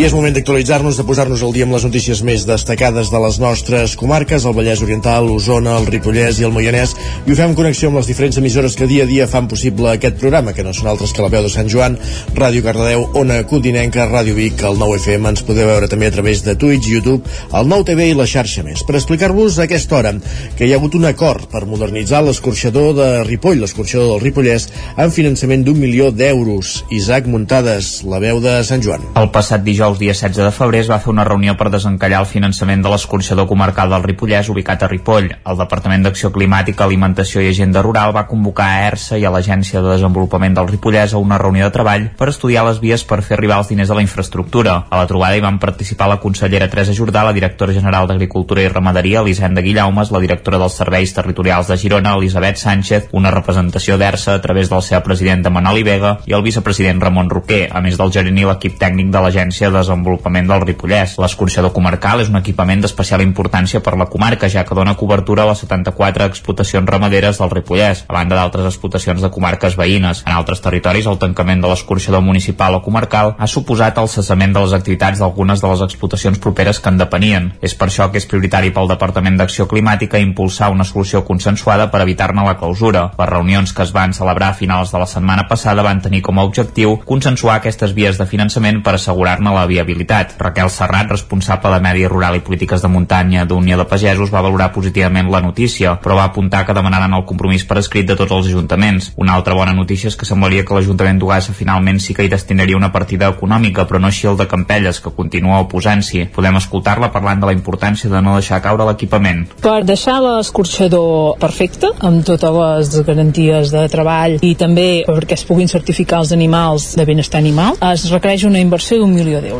Llavors, eh, aquí també inclou la línia del porcí, que és la que requereix més inversió. És molt important que hi sigui, perquè estem donant sortida a una sèrie d'explotacions que amb escorxadors més grans ni els voldrien. Per tant, donar viabilitat a aquestes explotacions del territori és molt important. Per això doncs, s'ha apostat per fer una inversió total i perfecta d'aquest escorxador. Mm. Es va identificar que la part més rellevant de la instal·lació cal gestionar-la a través de la línia de subvencions de pública concurrència d'indústries agroalimentàries que preveu el Departament d'Acció Climàtica i que està prevista que surti a finals d'aquest trimestre. A partir d'aquí caldrà programar i acordar amb la resta de les parts altres vies de finançament provinents de la Diputació de Girona que s'executen a través del Consell Comarcal i les aportacions que puguin fer els ajuntaments. A la reunió va haver-hi acord que cal prioritzar per part de tothom al territori la modernització d'aquest equipament. Més qüestions, ens fixem ara amb l'hotel Molí de la Torre de Vigues i Riells del FAI, que és un dels establiments del Vallès Oriental amb distintiu Biosfer. Roger Rams, Ona Codinenca. Sí, diversos establiments, tant del Vallès Oriental i com del Moianès, han renovat aquests dies el seu segell Biosfer, impulsat des de la Diputació de Barcelona i la Cambra de Comerç, que fomenta les bones pràctiques en matèria de gestió sostenible del sector turístic. Un d'aquests establiments, com dèiem, que compten amb aquesta distinció és l'Hotel Molí de la Torre de Vigues i Riells del Fai, un petit allotjament de 12 habitacions construït en una antiga fàbrica tèxtil. El seu propietari i director, Carles Bracons, explica que en el cas d'aquest establiment, des de la seva creació creació ja han cuidat la sostenibilitat. Nosaltres, per la nostra forma de treballar i pel concepte que ja teníem quan vam crear l'hotel, ja anàvem amb una línia molt rural i molt sostenible i ja de fet abans d'obrir com a hotel ja teníem muntat un sostre de plaques solars fotovoltaiques. O sigui que en el fons eh, aquest distintiu el que fa és reconèixer d'alguna forma el, el nostre tipus d'activitat i el nostre concepte. Totes aquestes coses bueno, arriben quan arriben i quan, quan s'ha cregut necessari i, i s'ha començat a parlar seriosament del tot el tema de sostenibilitat. Bracons explica quines són les conseqüències que els ha portat tenir aquest distintiu. I a nosaltres, bueno, pues, eh, en, en, ens refermen que treballem de la forma correcta, eh? bàsicament només és això. A nivell de publicitat, bueno, ens ajuda una miqueta més, la gent s'interessa, la gent pregunta i el que fem, però tampoc ens, que ens aporti molts clients precisament per això. O sigui, això ens ha vingut a més a més, ens ha suposat molt poc esforç doncs, a adaptar-nos i, i, i obtenir aquest distintiu perquè com que tot el que estàvem fent de fet abans ja teníem, abans del Biosfera ja teníem el distintiu de qualitat ambiental de la Generalitat també. A banda de la gestió sostenible, un altre dels objectius que persegueixen aquests distintius Biosfer és difondre les bones pràctiques en gestió turística com ara el reciclatge, les energies renovables o el menjar de proximitat i conscienciar també els clients a que adoptin formes de vida més sostenibles i apostin per anar a establiments compromesos amb el medi ambient. I encara en l'àmbit d'un d'aquests aspectes, l'estalvi energètic, Granollers presenta un pla estratègic un pla energètic, volem dir, perdó, que preveu estalviar 800.000 euros anuals en consums. Pol Grau, Ràdio Televisió, Cardedeu. L'Ajuntament de Granollers ha dissenyat un pla d'estalvi i eficiència energètica per a la ciutat que preveu 53 accions que permetran un estalvi anual superior als 800.000 euros en consums de subministraments. A més, hi haurà un estalvi energètic de 7,9 milions de quilowatts hora a l'any i les emissions de CO2 es reduiran en 3.215 tones a l'any. L'alcaldessa Alba Bernusser i el regidor del Medi Ambient, Albert Camps, han presentat aquest dimarts a la Biblioteca de Roca el document que ha comptat amb la participació de tots els grups municipals. Han estat acompanyats per representants d'Esquerra, Junts i Primàries. Camps ha destacat la importància d'aquest pla en context d'increment de preus dels subministraments i pel context d'emergència climàtica. El document s'articula en quatre eixos. La reducció del consum energètic amb 10 accions per reduir els consums de l'enllumament públic i 8 accions per reduir el consum energètic dels equipaments. També, la producció d'energia renovable i la promoció del seu ús, amb 14 accions. La millora de la gestió de l'energia, amb 8 accions, i la coordinació dels consums domèstics, industrial, comercial i municipal, amb 13 accions. Els Mossos d'Esquadra detenen un jove com a presumpte autor de dos delictes contra la seguretat del trànsit per conducció temerària i per circular sense haver obtingut mai el carnet de conduir a l'eix Bicolot, al túnel de Bracons. Sergi Vives. Es tracta d'un jove de 22 anys i veí de Manlleu. Segons la policia catalana, a primera hora de divendres al matí estaven fent un control preventiu a la C-37, al punt quilomètric 172, a la vall d'en Bas, quan van veure un cotxe que amb els quatre intermitents posats feia un avançament imprudent dins el túnel de Bracons, en sentit Olot, posant en perill la resta de conductors. Els agents el van fer aturar i van veure que no tenia el permís de conduir. A més, també van comprovar que no disposava de la inspecció tècnica de vehicles en vigor a causa de desperfectes molt greus al cotxe, com les llums, els pneumàtics o els cinturons. Per tot plegat se'l va denunciar i se li va immobilitzar el cotxe. El detingut sense antecedents va passar el mateix dia, divendres passat, a disposició judicial del jutjat en funcions de guàrdia d'Olot avançaments imprudents, bàsicament, avançaments eh, en un sentit on només hi ha un carril, travessant dues contínues i, i, i envaint, per tant, el carril contrari. És la maniobra que es pot veure al vídeo, que de fet han difós també els Mossos d'Esquadra sobre aquesta detenció. Més qüestions. El psicòleg usonenc Jordi Naudó, doctor en psicologia i especialista en sexologia i teràpia de parella, parla en una entrevista al Nou TV sobre l'accés a la pornografia d'infants i joves, Sergi.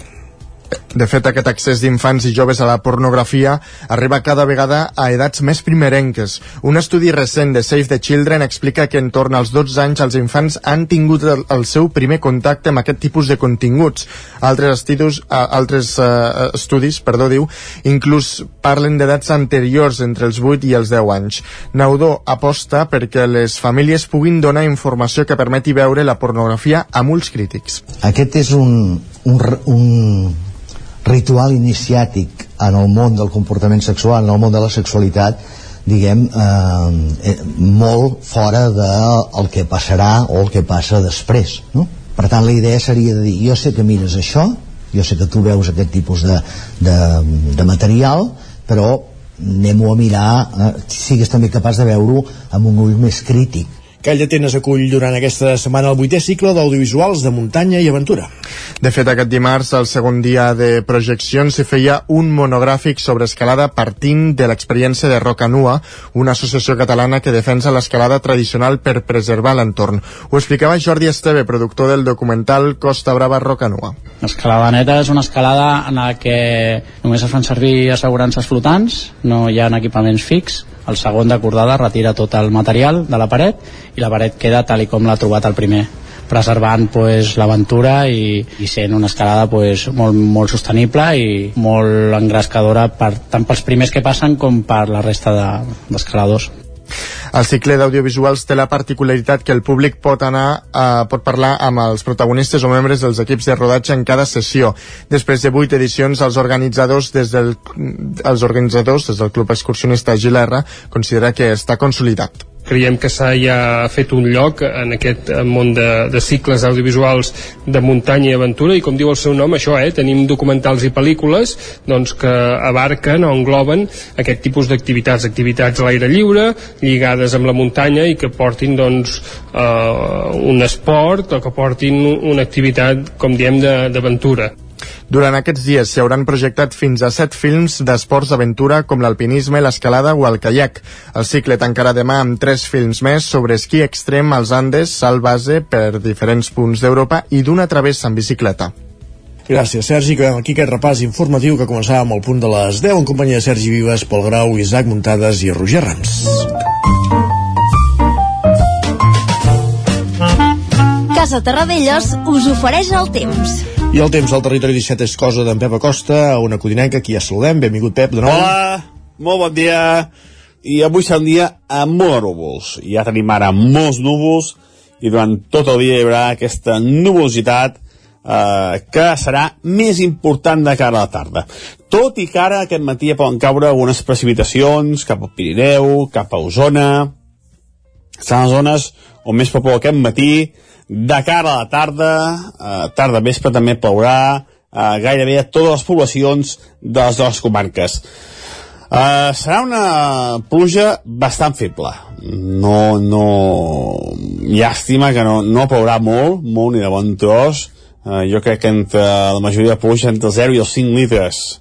Sobretot al Vallès, eh, Moianès, Osona, entre 0 i 5 litres, només la pluja una mica més destacada com ahir cap a la zona del Pirineu, on poden tornar a caure eh, 15, 20, 25 litres. Amb bona notícia, però serà eh, una pluja eh, molt concentrada en aquella zona i per mala sort una altra vegada no serà ni molt intensa ni molt extensa uh, una, una, una situació molt molt preocupant uh, les temperatures baixaran baixaran la majoria de màximes entre els 12 i els 16 graus no passarem d'aquests 16 graus a gairebé cap, cap uh, localitat lògicament per sota a les zones de muntanya on farà força fred la cota de neu eh, voltarà uns 1.500-1.600 metres. Eh, neu a la zona de, de Vidater, lògicament, al Pirineu, i els cims més alts, a Transversal, del Montseny, i fins i tot alguna, alguns cims de les Guilleries també una mica de neu. Eh, la nevada només serà una mica intensa cap al Pirineu, eh? A les altres zones, eh, quatre volves de neu, si és que arriben a caure, molt, molt poca cosa. Els vents febles, de direcció variable, eh, tot i que entra una mica vent de nord, que serà una mica moderat a les zones més altes de les muntanyes. Eh, moltes gràcies, adeu. Casa Tarradellas us ha ofert aquest espai. I del temps a la cuina. Un minut i un quart d'onze. Avui a la Foc Lem anem a Ona Codinenca, on entrarem a la cuina del restaurant La Fonteta, ubicat al centre cívic de Sant Feliu de Codines, per parlar amb en Paco Guirau, cuiner responsable del restaurant per parlar de plats tradicionals i alguns dels mites de l'anomenada cuina de mercat. Roger Rams, Ona Codinenca. Doncs, uh, Paco, abans de res, estem aquí a la Fonteta, Uh, aquí uh, feu el que anomenem cuina de mercat, també feu aquesta funció de, de, de lloc de, de trobada en el poble on ve gent diversa, no? esmorzar, a fer dinars, a fer sopars, a fer trobades. Explica'ns una mica quin és el tipus de gent que us ve aquí, quin és el perfil de client que teniu aquí i quin menjar doneu. Mm, bueno, això com a centre cívic el tipus de clientela és, eh, és molt variada. Vull dir eh, tenim des d'avis de 90 anys es passem tot el ventall des dels avis de 90 anys les famílies amb petits amb, amb els avis en què fan petites celebracions eh, fins a nadons que hem, que hem tingut aquí i ara són joves. Vull dir que, que, que venen, diguem-ne, que és una mica com, com una mica casa seva, no? Uh, de com a centre cívic no? que és i com un, el tenir un ventall tan gran diguem-ne de, de clientela és, és mal dit perquè no és així no? si d'usuari també sona lleig no? eh, doncs les, les consideracions com a local també poden tenir un punt peculiar, vull dir, no deixa, ha de ser un servei públic. I, i ha de ser un lloc on, on, on pots venir també una mica com a refugi. O sigui, si has tingut un problema si, el que sigui. Com ha de, tenir ha de tenir un punt d'acolliment no? i clar, en funció en funció de tot això, això determina la nostra, diguem oferta eh, tant de nivell de cuina eh, com de tracte ho intentem i l'oferta de cuina doncs en aquest cas jo personalment eh, intento apartar-me no, de l'ostentació de, de, de, de ser una cosa pretensiosa i mirar que sigui el més natural possible i honest no? Tant en qualitat com relació qualitat-preu i com descriuries tu l'oferta gastronòmica que, que doneu aquí i quin és el principal reclam de, de venir a la Fonteta a menjar? Home, l'oferta l'oferta és, com he dit, és en funció de la, de la gent que ve i el que es demana. Vol dir, has de cuinar per una persona de 90 anys i, i per dir alguna manera tenir croquetes per un nen de 5 sigui macarrons o, o el que sigui no? llavors perdó, dins clar, dins d'això i això s'ha de s'ha de lligar com que amb, amb el que ens hem de guanyar la vida. Llavors quin tipus d'oferta? Ja he dit el més natural possible. Uh, natural possible en el fet sí, no sé com explicar-ho allò de, de la cuina de mercat que hem parlat abans la cuina de mercat relativa no? o sigui, mirem de treballar producte de temporada quan n'hi ha i, i si no és possible pues, oye, pues no vale? m'és igual si, si la vedella ve de Girona ve de Montserrat o, o ve del País Basc sempre i quan tingui l'estàndard de qualitat eh, fresca no treballem amb congelat és mínim. No congelem el menjar no, no congelem eh, menjar preparat o sigui si ha sobrat i no es pot reutilitzar es llença i ja està. I llavors pues, bueno, si peixos frescos cada setmana eh, la carn fresca el mateix no es congela carn les verdures mig del mercat de dissabte mig d'un proveïdor industrial que en aquest cas està a Granollers. O sigui, bàsicament, bàsicament en això. I, i jo personalment doncs miro que sigui el, el mínim cuinat possible el mínim manipulat possible. Uh, ja està, poca cosa més. Això té, té avantatges i té complicacions. Quines diries que són? Uh, d'avantatges bueno, és, és una forma de treballar que no sé dir les avantatges en comparació amb d'altres maneres de treballar. O sigui eh, ens agrada el, el producte cuinat al moment i servit. O sigui això és eh, com diria, aquesta immediatesa i aquest i aquesta, com diria, aquesta manera de fer té un contacte molt directe tant en el producte que està servint com eh, amb el client que tu li poses. És un acte que estàs fent en aquell moment expressament per aquest senyor. No és algo que ja està fet no és algo eh,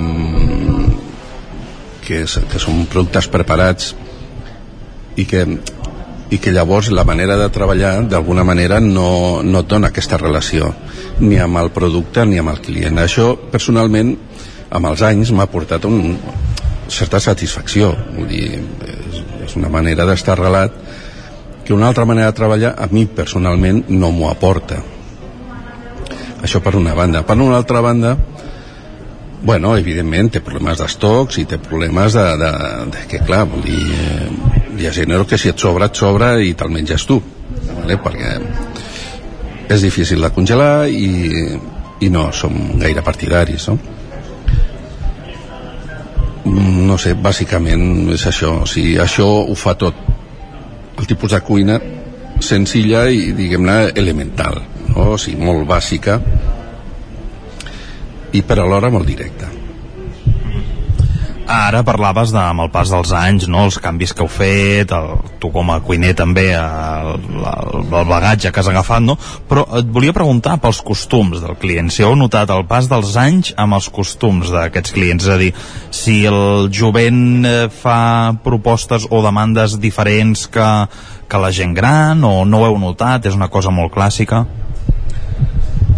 Bueno, això jo diria que depèn més de la idiosincràsia de cada local si puc parlar per, per, per nosaltres no puc parlar per d'altres locals que tindran un altre tipus de clientela o senzillament la clientela que hi vagin allà que pot ser la mateixa que la meva doncs hi demanin un altre tipus de producte no? per la gent que, que tenim nosaltres per al jovent que tenim nosaltres eh, té la seva cosa no? perquè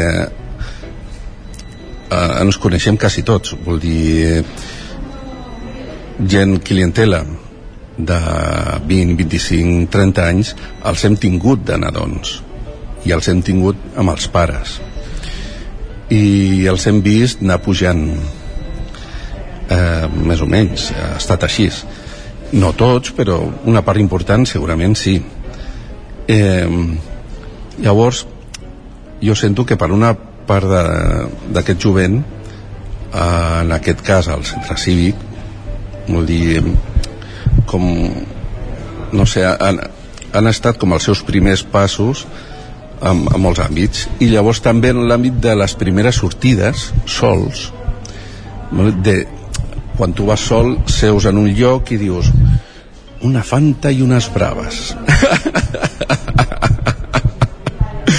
no? i això sí que l'he vist i llavors, clar, amb els anys doncs, veus que aquell, aquell jove perquè és jove, 13 anys que primer venia amb la timidesa perquè ja no ha vingut amb els pares i llavors eh, eh, es va aventurant no? I llavors, clar, tenim jovent entre cometes, perquè, clar, ja amb 25, 28 anys ja no és tan jovent, però que venen eh, precisament demanant eh, el tipus de tracte que havien tingut amb els pares. I, i en el meu cas, doncs, venen demanant plat, i demanant bacallà, i demanant eh, entrecots, i demanant coses que, que o sigui, un tipus de, de plat no sé que en el meu cas pues, fuig de, de, sigui de l'hamburguesa del Frankfurt o d'un altre tipus de cuina igual que veus que, que ja els coneixes no? com et demanen si no la primera ampolla de vi però diuen aquel vino no? I, i, llavors, i això home, fa gràcia i fa il·lusió no? perquè dius, hosti, com passen els anys i bueno, clar, puc parlar d'això si han canviat um, jo crec que sí una mica i, i s'ha canviat cap a més respectuós eh, eh, tinc, tinc jovent que, que sento que valoren val, valoren un, un bon plat cosa que potser temps enrere no era tan així no? i bueno, home, això és garantia de futur I, I per acabar, Paco, volíem parlar de, de receptes, d'aquestes petites receptes de, de cuina senzilla que ens comentaves, no? al principi de cuina elemental, però alhora bona i elaborada.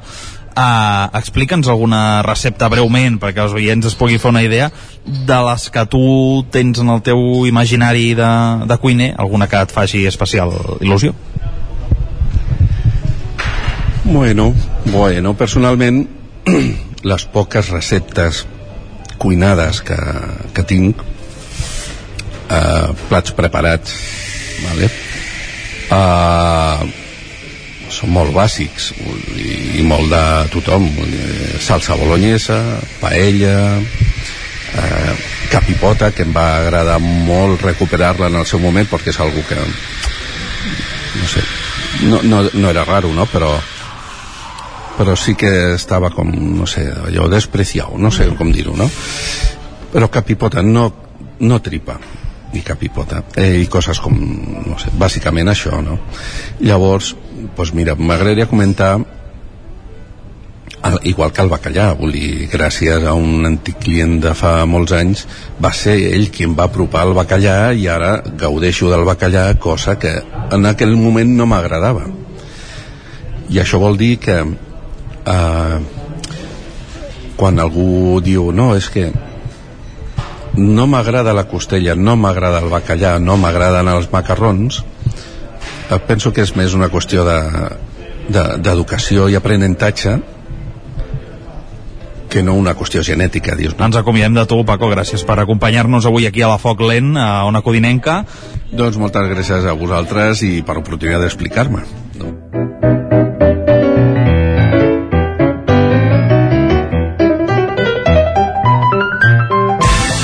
El 9 FM, la ràdio de casa, al 92.8. Ja tens la teva disfressa? Carnestoltes a Manli. Vine i demana'ns la disfressa que vulguis. Trobaràs un món de fantasia en disfresses i complements per al Carnestoltes. Hi ha uns preus especials. Som al carrer Ramon Soler, número de Vic, i també ens trobareu a manli.cat. Fem de la festa una bogeria. Una bogeria. Les biblioteques municipals també som més que un club. Amb més de 2 milions d'usuaris, som el club amb més carnets. A la xarxa de biblioteques municipals de la província de Barcelona compartim lectures, cultura i coneixements. Només hi faltes tu. Visita bibliotecavirtual.diva.cat. Fes-te el carnet i gaudeix de tots els seus avantatges. Diputació de Barcelona. Piscines en export. Disseny, garantia, qualitat... Excavacions en Export. Excavacions i moviments de terres, enderrocs i murs de pedra natural. Piscines i excavacions en Export. Som a l'Atmella del Vallès. Telèfon 93 843 2577. Més informació a anexport.es. Bon dia, us truco del servei tècnic oficial de Bailand. Hem detectat que la pressió de la seva caldera està baixant. No me n'havia adonat. Com es pot solucionar? Ho resoldrem en uns minuts. No espereu més. Amb el servei de manteniment ServiPlus Connect de Bailand, preocupeu-vos del que realment importa. Nosaltres ens encarreguem de la vostra caldera. Informeu-vos a connectivitat.bailand.es. Ser a prop vol dir veure les coses més bé. Apropa't al que t'interessa amb la xarxa Més. La teva plataforma audiovisual de qualitat, proximitat i gratuïta. Gaudeix dels continguts de més de 30 televisions locals i podcast quan, com i on tu vulguis. Entra a la xarxa més.cat i descarrega't l'app. Bon dia, són les 9 al Territori 17. Demà Miquel Parella. Cada matí i durant dues hores t'acompanyem i et posem al dia de l'actualitat de casa nostra. Potenciant així l'autonomia En aquest cas me la peça el taler si no... Per feminitzar el pensament masculí.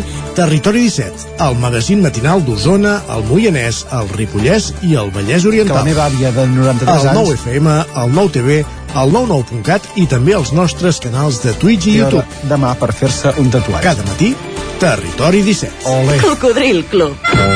Si t'agrada la bona música dels anys 60, 70 i 80, escolta el 9 FM als matins de dissabtes i diumenges d'11 a 1. És el temps del Cocodril Club, tot un clàssic de la ràdio, amb les bases del pop-rock, les llegendes, les cançons que s'han convertit en autèntics himnes. Recorda, dissabtes i diumenges al matí, d'11 a 1, al 9 FM 92.8. Cocodril Club, el programa revival de l'Albert Malla. Hasta luego, cocodrilo. El 9 FM, el 9 FM, el 9 FM, el 9 FM. En punt, dos quarts d'onze al Territori 17.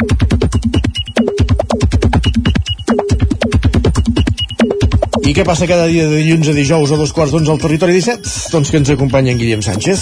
Què tal? Com Bé, estem? tu? Doncs bé, bé, bé, amb ganes, amb ganes del, del dia d'avui. Me n'alegro, celebro. Home, hi ha una mica de, de futbol al vespre, per tant, hi ha una mica Ah, esclar, de... sí, sí. Ara en parlarem, també. Ara, ara en parlarem. Va, abans... Veig, eh, sort que hi ha gent eh, com tu entusiasta. Ah, no, sí, sí, home, sí. Uh, com va dir en Xavi, no competirem i mira, i si, i si es pot guanyar bé, i si no també, eh? No, sense, sense gaires problemes.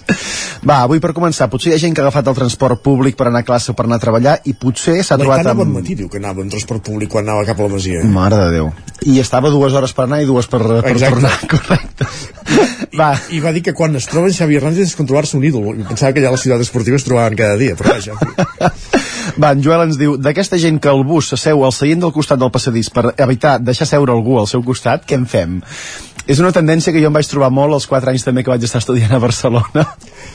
Sap greu, però s'han d'acabar aixecant, per tant, perquè algú altre, algú altre té més d'allò que ells els diu, "Se- deixa passar, sisplau. Correcte, correcte. Va, i encara amb reminiscències del cap de setmana, l'Albert ens escriu estic tenint el postcarnaval més postcarnaval de la història. Ja amb qui, com és aquest? No sé què vol dir amb això, perquè no ens dona gaire més informació. No sabem si encara té ressaca, si va dormit pels llocs, si és que encara va amb la disfressa posada, això no ho sabem. De fet, si ens vol escriure i ens vol donar més informació, ens ho, ens ho pot dir.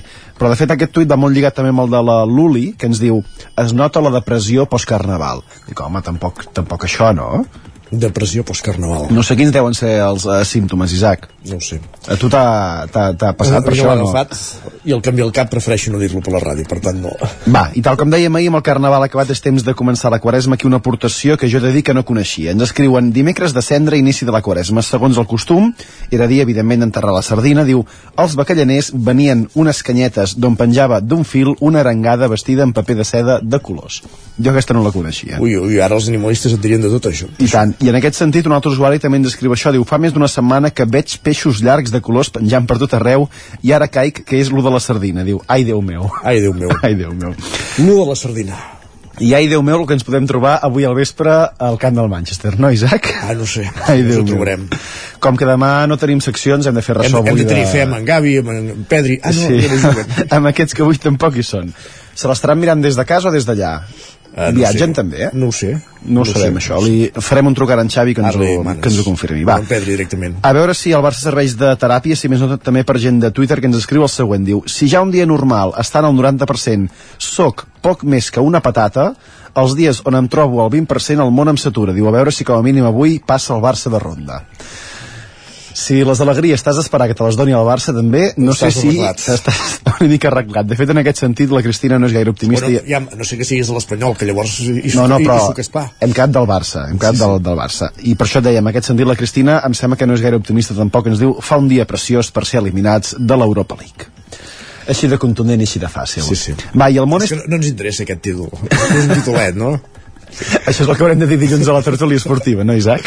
Ens anem abans... Sí, anem ja... Ens avancem... Posant arguments. Ens, ens avancem a l'Isaac, també. Exacte. Va, i el món és tan petit que a vegades passen coses com aquesta que ens diu la Laia, vinculat també amb el Barça. Diu, en quin moment el meu professor de règim fiscal, ojo, és vicepresident de la gestora del Barça i ens acaba de convidar a tota la classe a tribuna al partit del Barça femení contra la Roma el dia 29 de març. El Barça Ai, femení.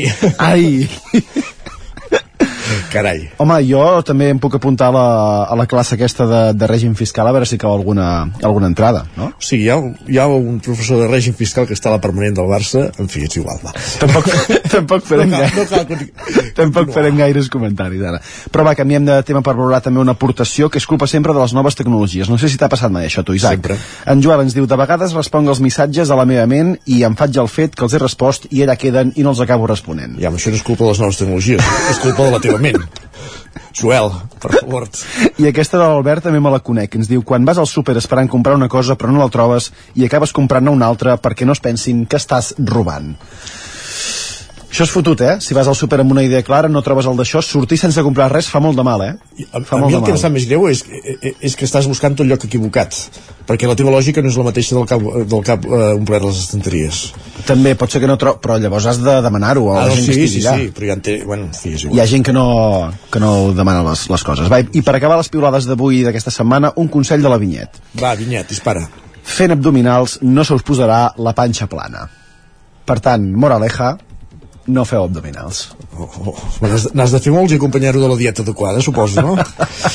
en fi Ai, posarem un ciri, posarem un ciri per avui, Isaac. Santa Clara Va, vinga, ah, no, que això són els ous perdó, perquè no plogui perquè plogui, sí. perquè plogui perquè guanyi el Barça. va, gràcies, bon cap de setmana Que vagi molt bé, Isaac. Territori 17, el 9 FM, la veu de Sant Joan, Ona Codinenca, Ràdio Cardedeu, Territori 17.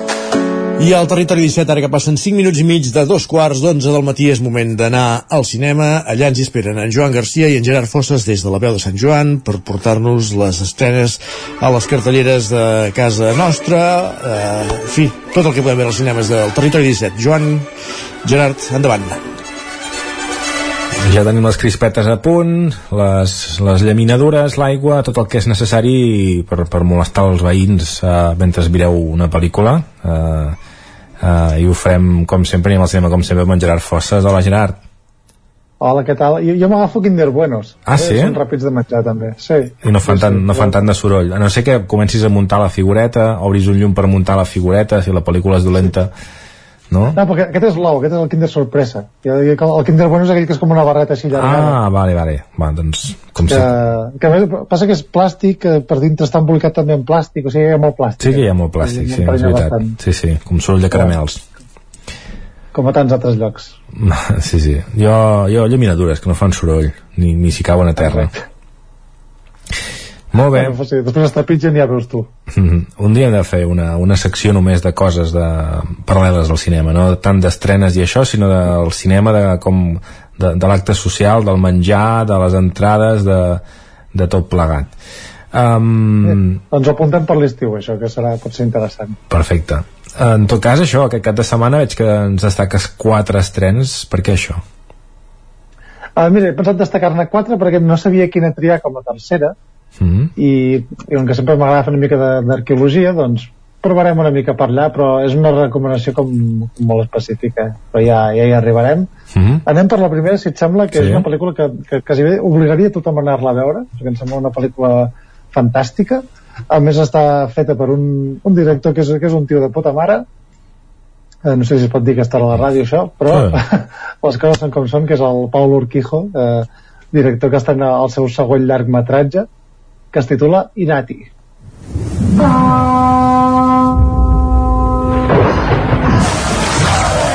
Tu padre hizo lo que debía para proteger a los nuestros. Padre,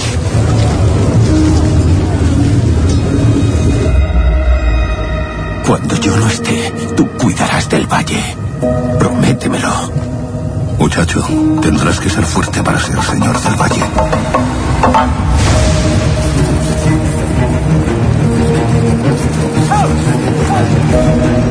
El joven Eneco no puede ser señor. Me postulo humildemente ante la cruz para ser señor cristiano del Valle. Molt bé, explica'ns una mica. A veure, aquesta és una pel·lícula que, que transita camins que són molt nous realment perquè és el, pel que és el cinema espanyol i és que Pau Urquijo ha decidit enfocar la seva carrera tant a curtmetratges com a llargmetratges a el que és el folklore basc i fer-ho des de la perspectiva del, del cinema de- d'aventures bàsicament i de la fantasia ja ho va fer amb Rementari i ara ho fa amb aquest Irati que és, bueno, eh, és una llegenda que hi ha al voltant de, del bosc de- d'Irati que està allà al País Basc i ens porta cap al segle XIII, que és aquesta època en la qual els cristians començaven a, a dominar cada cop més les terres i anaven anul·lant o esborrant del mapa doncs, aquests, aquests cultes més pagans. El protagonista precisament és un noi jove que és, um, és el nou cap d'una tribu, ell sí que ha rebut una educació cristiana i diguem que part del conflicte doncs, és um, aquesta troballa entre la, diguem que les mitologies antigues i aquesta nova mitologia de, del moment que és el cristianisme. Uh -huh. Ah, però dic, però sobretot amb una forma de pel·lícula d'aventures, amb, això, amb efectes especials, molt èpica, molt ben feta, rodada tot amb, amb localitzacions naturals, que vull dir, no, no veureu ni un sol decorat allà que no sigui una localització natural, és, és realment molt espectacular i llueix moltíssim. I, i jo la recomano molt sobretot perquè és una pel·lícula que, que parla de moltíssimes coses. O sigui, hi ha eh, el tema de, del feminisme, el paper de la dona el tema de, de la confrontació entre les coses noves i les coses antigues el, el tema de, de la religió paganisme, ateisme eh, i tot d'una manera diguem embolicat d'una manera molt natural que permet parlar de temes molt actuals eh, a través d'una llegenda i d'una pel·lícula que essencialment és divertida i entretinguda per tant, em sembla un petit miracle, o sigui, són coses que, que ja no passen en el cinema en general, que hi hagin aquest tipus de cinema d'aventures que realment parli de coses, Mm. i per això la recomano moltíssim. Uh, aquesta pel·lícula es va passar a Sitges, uh, va tenir grans ovacions en cada, en cada sessió, i, i se'n van portar algun premi, que ara no recordo quin, però, però algun premi se'n van dur. També va tenir algunes nominacions al Goya, en aquest cas ja més discretes, però a mi em sembla de, de les grans pel·lícules de, del cinema espanyol d'aquest any i, i insisteixo molt que crec que val molt la pena anar-la a veure. Mm. I com comentes tu d'un gènere no? seria una típica pel·lícula així com de no sé, recentment hem vist un, estil semblant amb, amb pel·lícules o amb sèries de, de vikings però amb, amb fantasia però a més a més basades doncs, en, en el nostre context en aquest cas en el, en el del País Basc eh? Sí, sí, exacte, a més això, amb eh, llegendes locals eh, rodades amb, amb gran format, a més a més. Jo, la pel·lícula comença amb una batalla que és realment espectacular i, i és una pel·lícula que, que va costar entre 4 i 5 milions d'euros i no, no ho diries mai per, per com llueixen el, tots els efectes pràctics que hi ha, la fotografia és fantàstica. O sigui, és que o sigui, només puc tenir paraules bones per aquesta pel·lícula. I, i per Pau Urquijo que ja et dic, és un, un tio que segurament podria fer carrera a Hollywood, de fet ja ha tingut algun cant de sirena, però ell insisteix en, en fer aquest cinema d'autor de manera independent, a més a més parlant d'aquesta història més arrelada a la seva cultura, cosa que s'ha de valorar. Desconec si la pel·lícula la posaran doblada o en idioma original en basc, que a més a més està parlat amb un basc antic, molt, molt ben adaptat, Mm. o sigui que mm, és com un valor afegit també al, al veure la pel·lícula. Mira, de fet, quan, quan anaves parlant m'ha estranyat molt perquè he vist, he vist això, que estava doblada i he pensat, ostres, que ha fet servir actors anglesos o... i ho he anat a mirar no, no, clar, són tots bascos i, i, sí.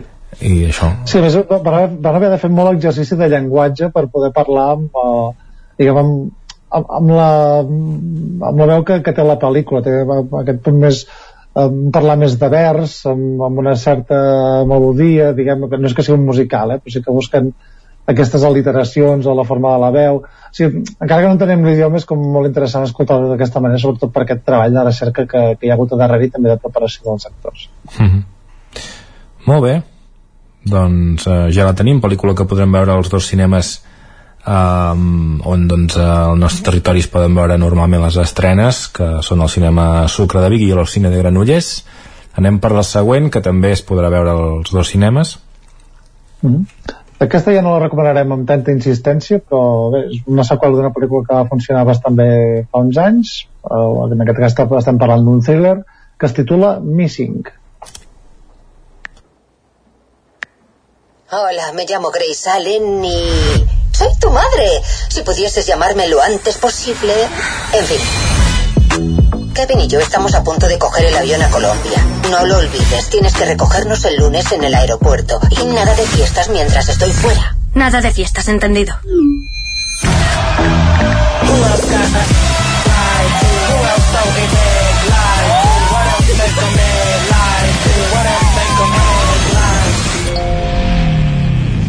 Mierda. Hola, soy Grace Allen. Por favor, deja tu mensaje. Mamá, ¿dónde estáis? Molt bé, al principi semblava una, una mm, pel·lícula així d'aquesta d'adolescents i, i divertida i això i d'aquestes que se n'han fet un munt però ara la cosa es torna lletja, no? Ai, espera't, que no té... Perdona, eh? Ah, torni. La cosa es torna lletja, eh? Està? I... És que no t'hem escoltat. Torna, pots tornar a començar, oh. sisplau. Sí, perdó, doncs no, de- deia que, que, és, que és una pel·lícula que òbviament es torna lletja perquè estem parlant d'un thriller, d'una pel·lícula de misteri um, que, que parla sobre la investigació d'un segrest, és una noia que, que li segresten la mare uh, té molts problemes a nivell internacional perquè passen això en un context de que la mare està de viatge i això i uh, comença a utilitzar la tecnologia que té a la seva disposició doncs, per seguir aquest, aquest rastre de la seva mare aquesta pel·lícula, com he dit, és una seqüela, és una seqüela d'una pel·lícula que es titula Searching, que ja té, em sembla, 5 o 6 anys, i tenia una peculiaritat que és també una investigació d'un segrest que es fa tot a través d'una pantalla. I, de fet, tota la pel·lícula està narrada a través d'una pantalla d'ordinador, pantalla de mòbil, per, per donar encara més aquesta perspectiva tecnològica de no sortir mai eh, d'una pantalla interconnectada, no? I és com... Hi ha, aquesta idea subjacent de, de tota aquesta petjada digital que deixem um, dintre la seva part bona i la seva part dolenta. La part dolenta és que és uh, perillós, la part bona és que pot servir també per resoldre un cas, no? Mm -hmm. I això dic que està narrat amb una forma de, de thriller estàndard, el, qual fa que la pel·lícula sigui em- emocionant, tot i que aquesta certa monotonia que a mi personalment sempre no, no m'ha acabat d'agradar de, del fan footage, que és aquesta, aquest format estricte d'estar sempre dintre la pantalla o, o des del punt de vista d'una càmera, però bé, la veritat és que funciona bastant bé, exploten totes les seves varietats i, i el que sí que perd respecte a la seva predecessora és aquest sentit de la novetat o aquesta innovació o, el, novetat tant en el format com en el tema de, de la petjada digital que, que han passat ja uns anys i, i ja coneixem més tots aquests conceptes uh, però bé, és una història que segueix funcionant Mm -hmm. Molt bé. Doncs, com dèiem, es pot veure els dos cinemes, el Sucre i el Sucine, i la següent, la següent també. Sí, la següent, que aquestes ja les comentarem breument perquè no, més, tampoc han sortit crítiques i no les he pogut veure um, i, i bé, en aquest cas farem dues apostes més localitzades aquesta és pel públic familiar perquè és una, una pel·lícula d'animació que es distribueix per Warner Bros però ha estat produïda a Espanya per A3 Media Cine, Canal Plus, TV3 també hi participa um, dirigida per Juan Jesús García Galocha i es titula Mòmies encontrado algo. ¡Un mundo de momias bajo la tierra!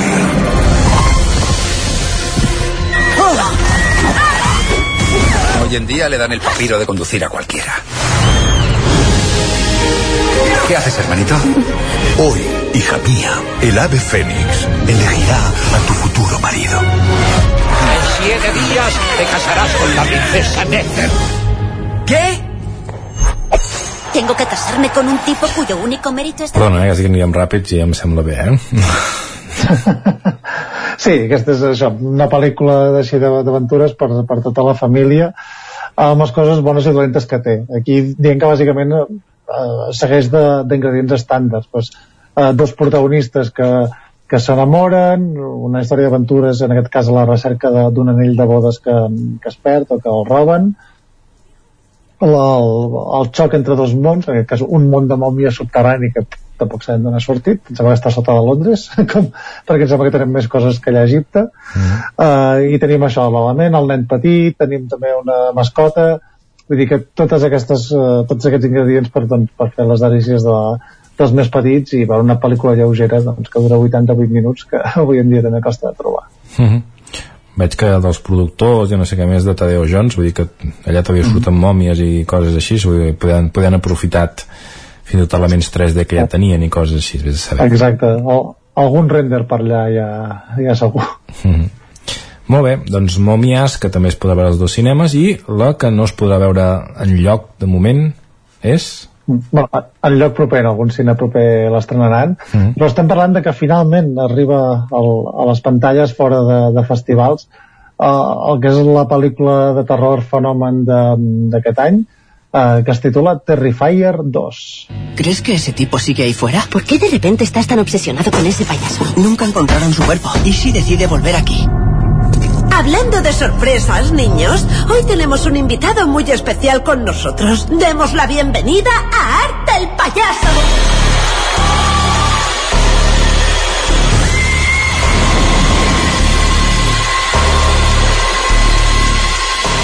Um, endavant.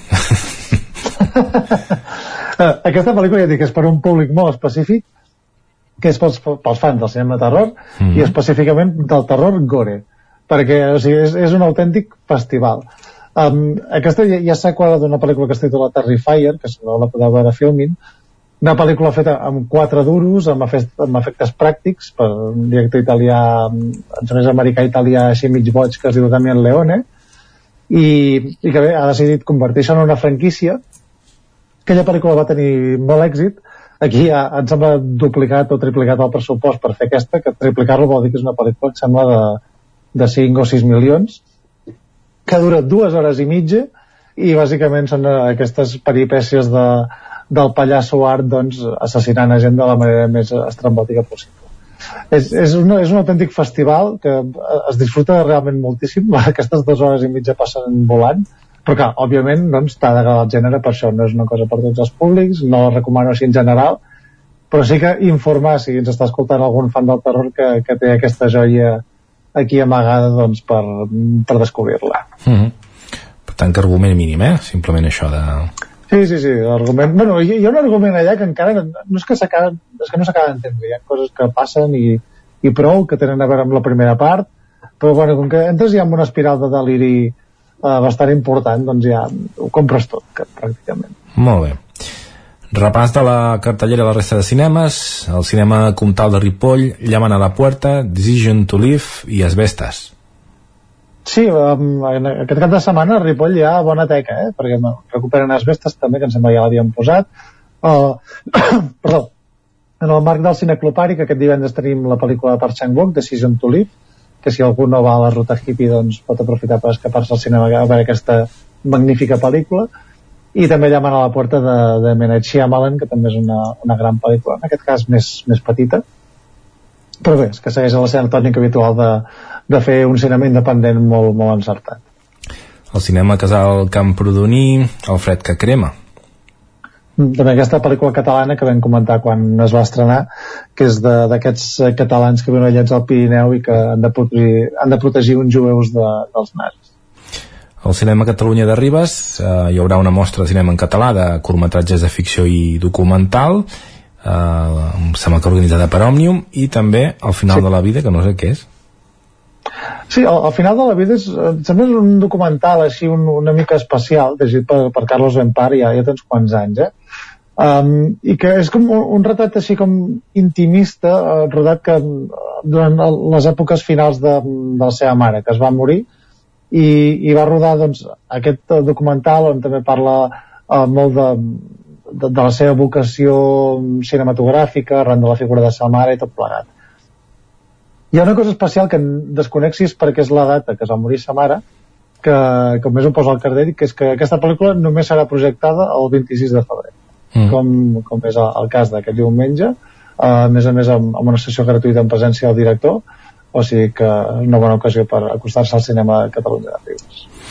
El cinema Alhambra, Billy Janet, Babylon, uh, Asuntos Familiares, tot i que és en català, la, la fan, uh -huh. Asbestas, tretzena setmana, i també uh, Locuras de Verano, una pel·lícula que no em lliga gaire, però que també anirem a un concert en directe d'en Pep Poblet.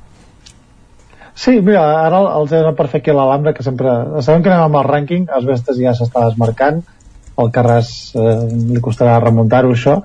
Uh, però bé, eh, destaquem això aquest, uh, aquest, aquesta projecció en concert en aquest cas això de, de Pep Poblet no sé com serà però sembla que ara volen fer una aposta pels concerts en directe també durant les projeccions o sigui que sempre aplaudim el cinema Alhambra per aquestes iniciatives tan variades. Mm dic que a mi no em lliga però és per la meva ignorància eh? perquè entenc que això que és una pel·lícula antiga igual interpretar la música en, en, en,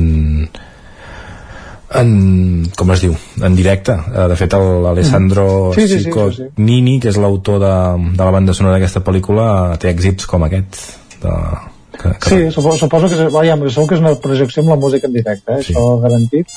Uh, el que no sabem és quin tipus de música, si Mira, un canvi de banda sonora, ja si toca aquesta banda sonora, com L'Alessandro Cicognini va fer aquesta cançó.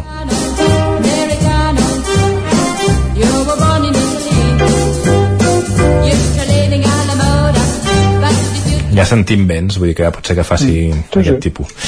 Molt bé, doncs eh, seguim a l'Esbarjo de Cardedeu, Living i també els mateixos, la mateixa selecció de curtmetratges de ficció documental dels Premis Boc de la Mostra Cinema en Català que hem, que hem anunciat també al sí. Cinema Catalunya de Ribes i que com bé has dit eh, també està organitzat per Òmnium i, i és al final una manera de potenciar tot, tot de, de produccions catalanes que, que s'han donat a, a, aquest sentit l'any 2022 i també com hem dit es projecta el Living que és aquest uh, remake de Vivir um, en aquest cas um, fet a Anglaterra um, que és això, un remake d'una pel·lícula d'Akira Kurosawa el Casal de Gràcia de Manlleu Un any una noche Sí, dintre del segle de Gaudí, en aquest cas aquesta pel·lícula d'Isaac i la Cuesta. I el Cineclub de Vic, Those Who Remained.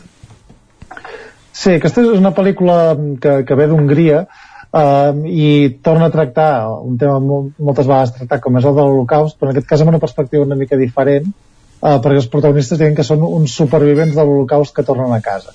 Uh mhm. -huh. I és una mica aquesta, bueno, com tornes a la vida normal després de tot el que t'ha passat. Eh? La pel·lícula gira una mica al voltant d'això i és un, un film realment molt interessant. Uh mhm. -huh. Molt bé, doncs amb dos Who Remain, al Cineclub de Vic, ja ho tenim tot fet, tenim tot el peix venut Gerard, moltíssimes gràcies i fins la setmana vinent. Gràcies a vosaltres i la setmana que ve portarem més peix. Que vagi molt bé, adeu-siau, que sigui fresc i bo. Adéu-siau. Sí, no, sempre, sempre. Adéu, adéu. Territori 17 I del cinema a les sèries, dos minuts per acabar, dos minuts perquè l'Isaac Muntades ens faci alguna proposta de sèrie, de pel·lícula que podem trobar a les plataformes. Isaac, benvingut de nou. Bon dia, bon dia Isaac. Què ens recomanes doncs, sí, seré ràpid, tenim poc temps. Uh, mira, us recomano La Ley de Lídia Poet. És una sèrie de Netflix uh, de 6 capítols només d'entre 40 minuts i una hora de, de duració que està triomfant bastant aquests dies. Parla una mica de la història real d'aquesta advocada italiana que doncs uh, això estem parlant del 1880 1890 que va ser, eh, que, era, que era advocada i va ser inhabilitada no?, per exercir l'advocacia perquè en aquella època doncs, hi havia un masclisme molt imperant, de fet la sèrie retrata molt aquest masclisme del moment i les dones no podien fer determinades feines i ella tot i així eh, doncs eh, tossuda, apela també, vol que se li reconegui que pugui ser advocada i el seu germà Enrico, que també és advocat doncs eh, fa que ella pugui treballar amb ell i fa d'assistent i resol una sèrie de casos, cada capítol és un cas amb una connexió entre tots ells i, i bé, està bastant interessant suposo que hi haurà segona temporada a mi em falta un capítol encara per acabar-la i, i ens m'imagino per com està anant que, que podran fer-ne una segona temporada però és bastant recomanable i ràpida, i ràpida de veure, és una sèrie italiana de, de Netflix protagonitzada per l'actriu Matilda de, de Angelis la llei de Lídia Poet per tots aquells que sobrevisquin a Netflix després de, de la criba dels, compes, dels comptes compartits des d'aquest dimarts, eh? Sí, però bueno, hi ha trucs, eh, per això dels comptes compartits. Ah, sí? Carai. Sí, però no, però no els diré en antena. No els posi en antena. doncs una de les propostes que fem a la secció de sèries per tancar el programa d'avui. Gràcies, Isaac, i tornarem demà. Que Fins demà. Que vagi molt bé. Adéu. I acabem aquí també el Territori 17 d'avui, dijous, 23 de febrer, 23F, 23 de febrer de l'any 2023.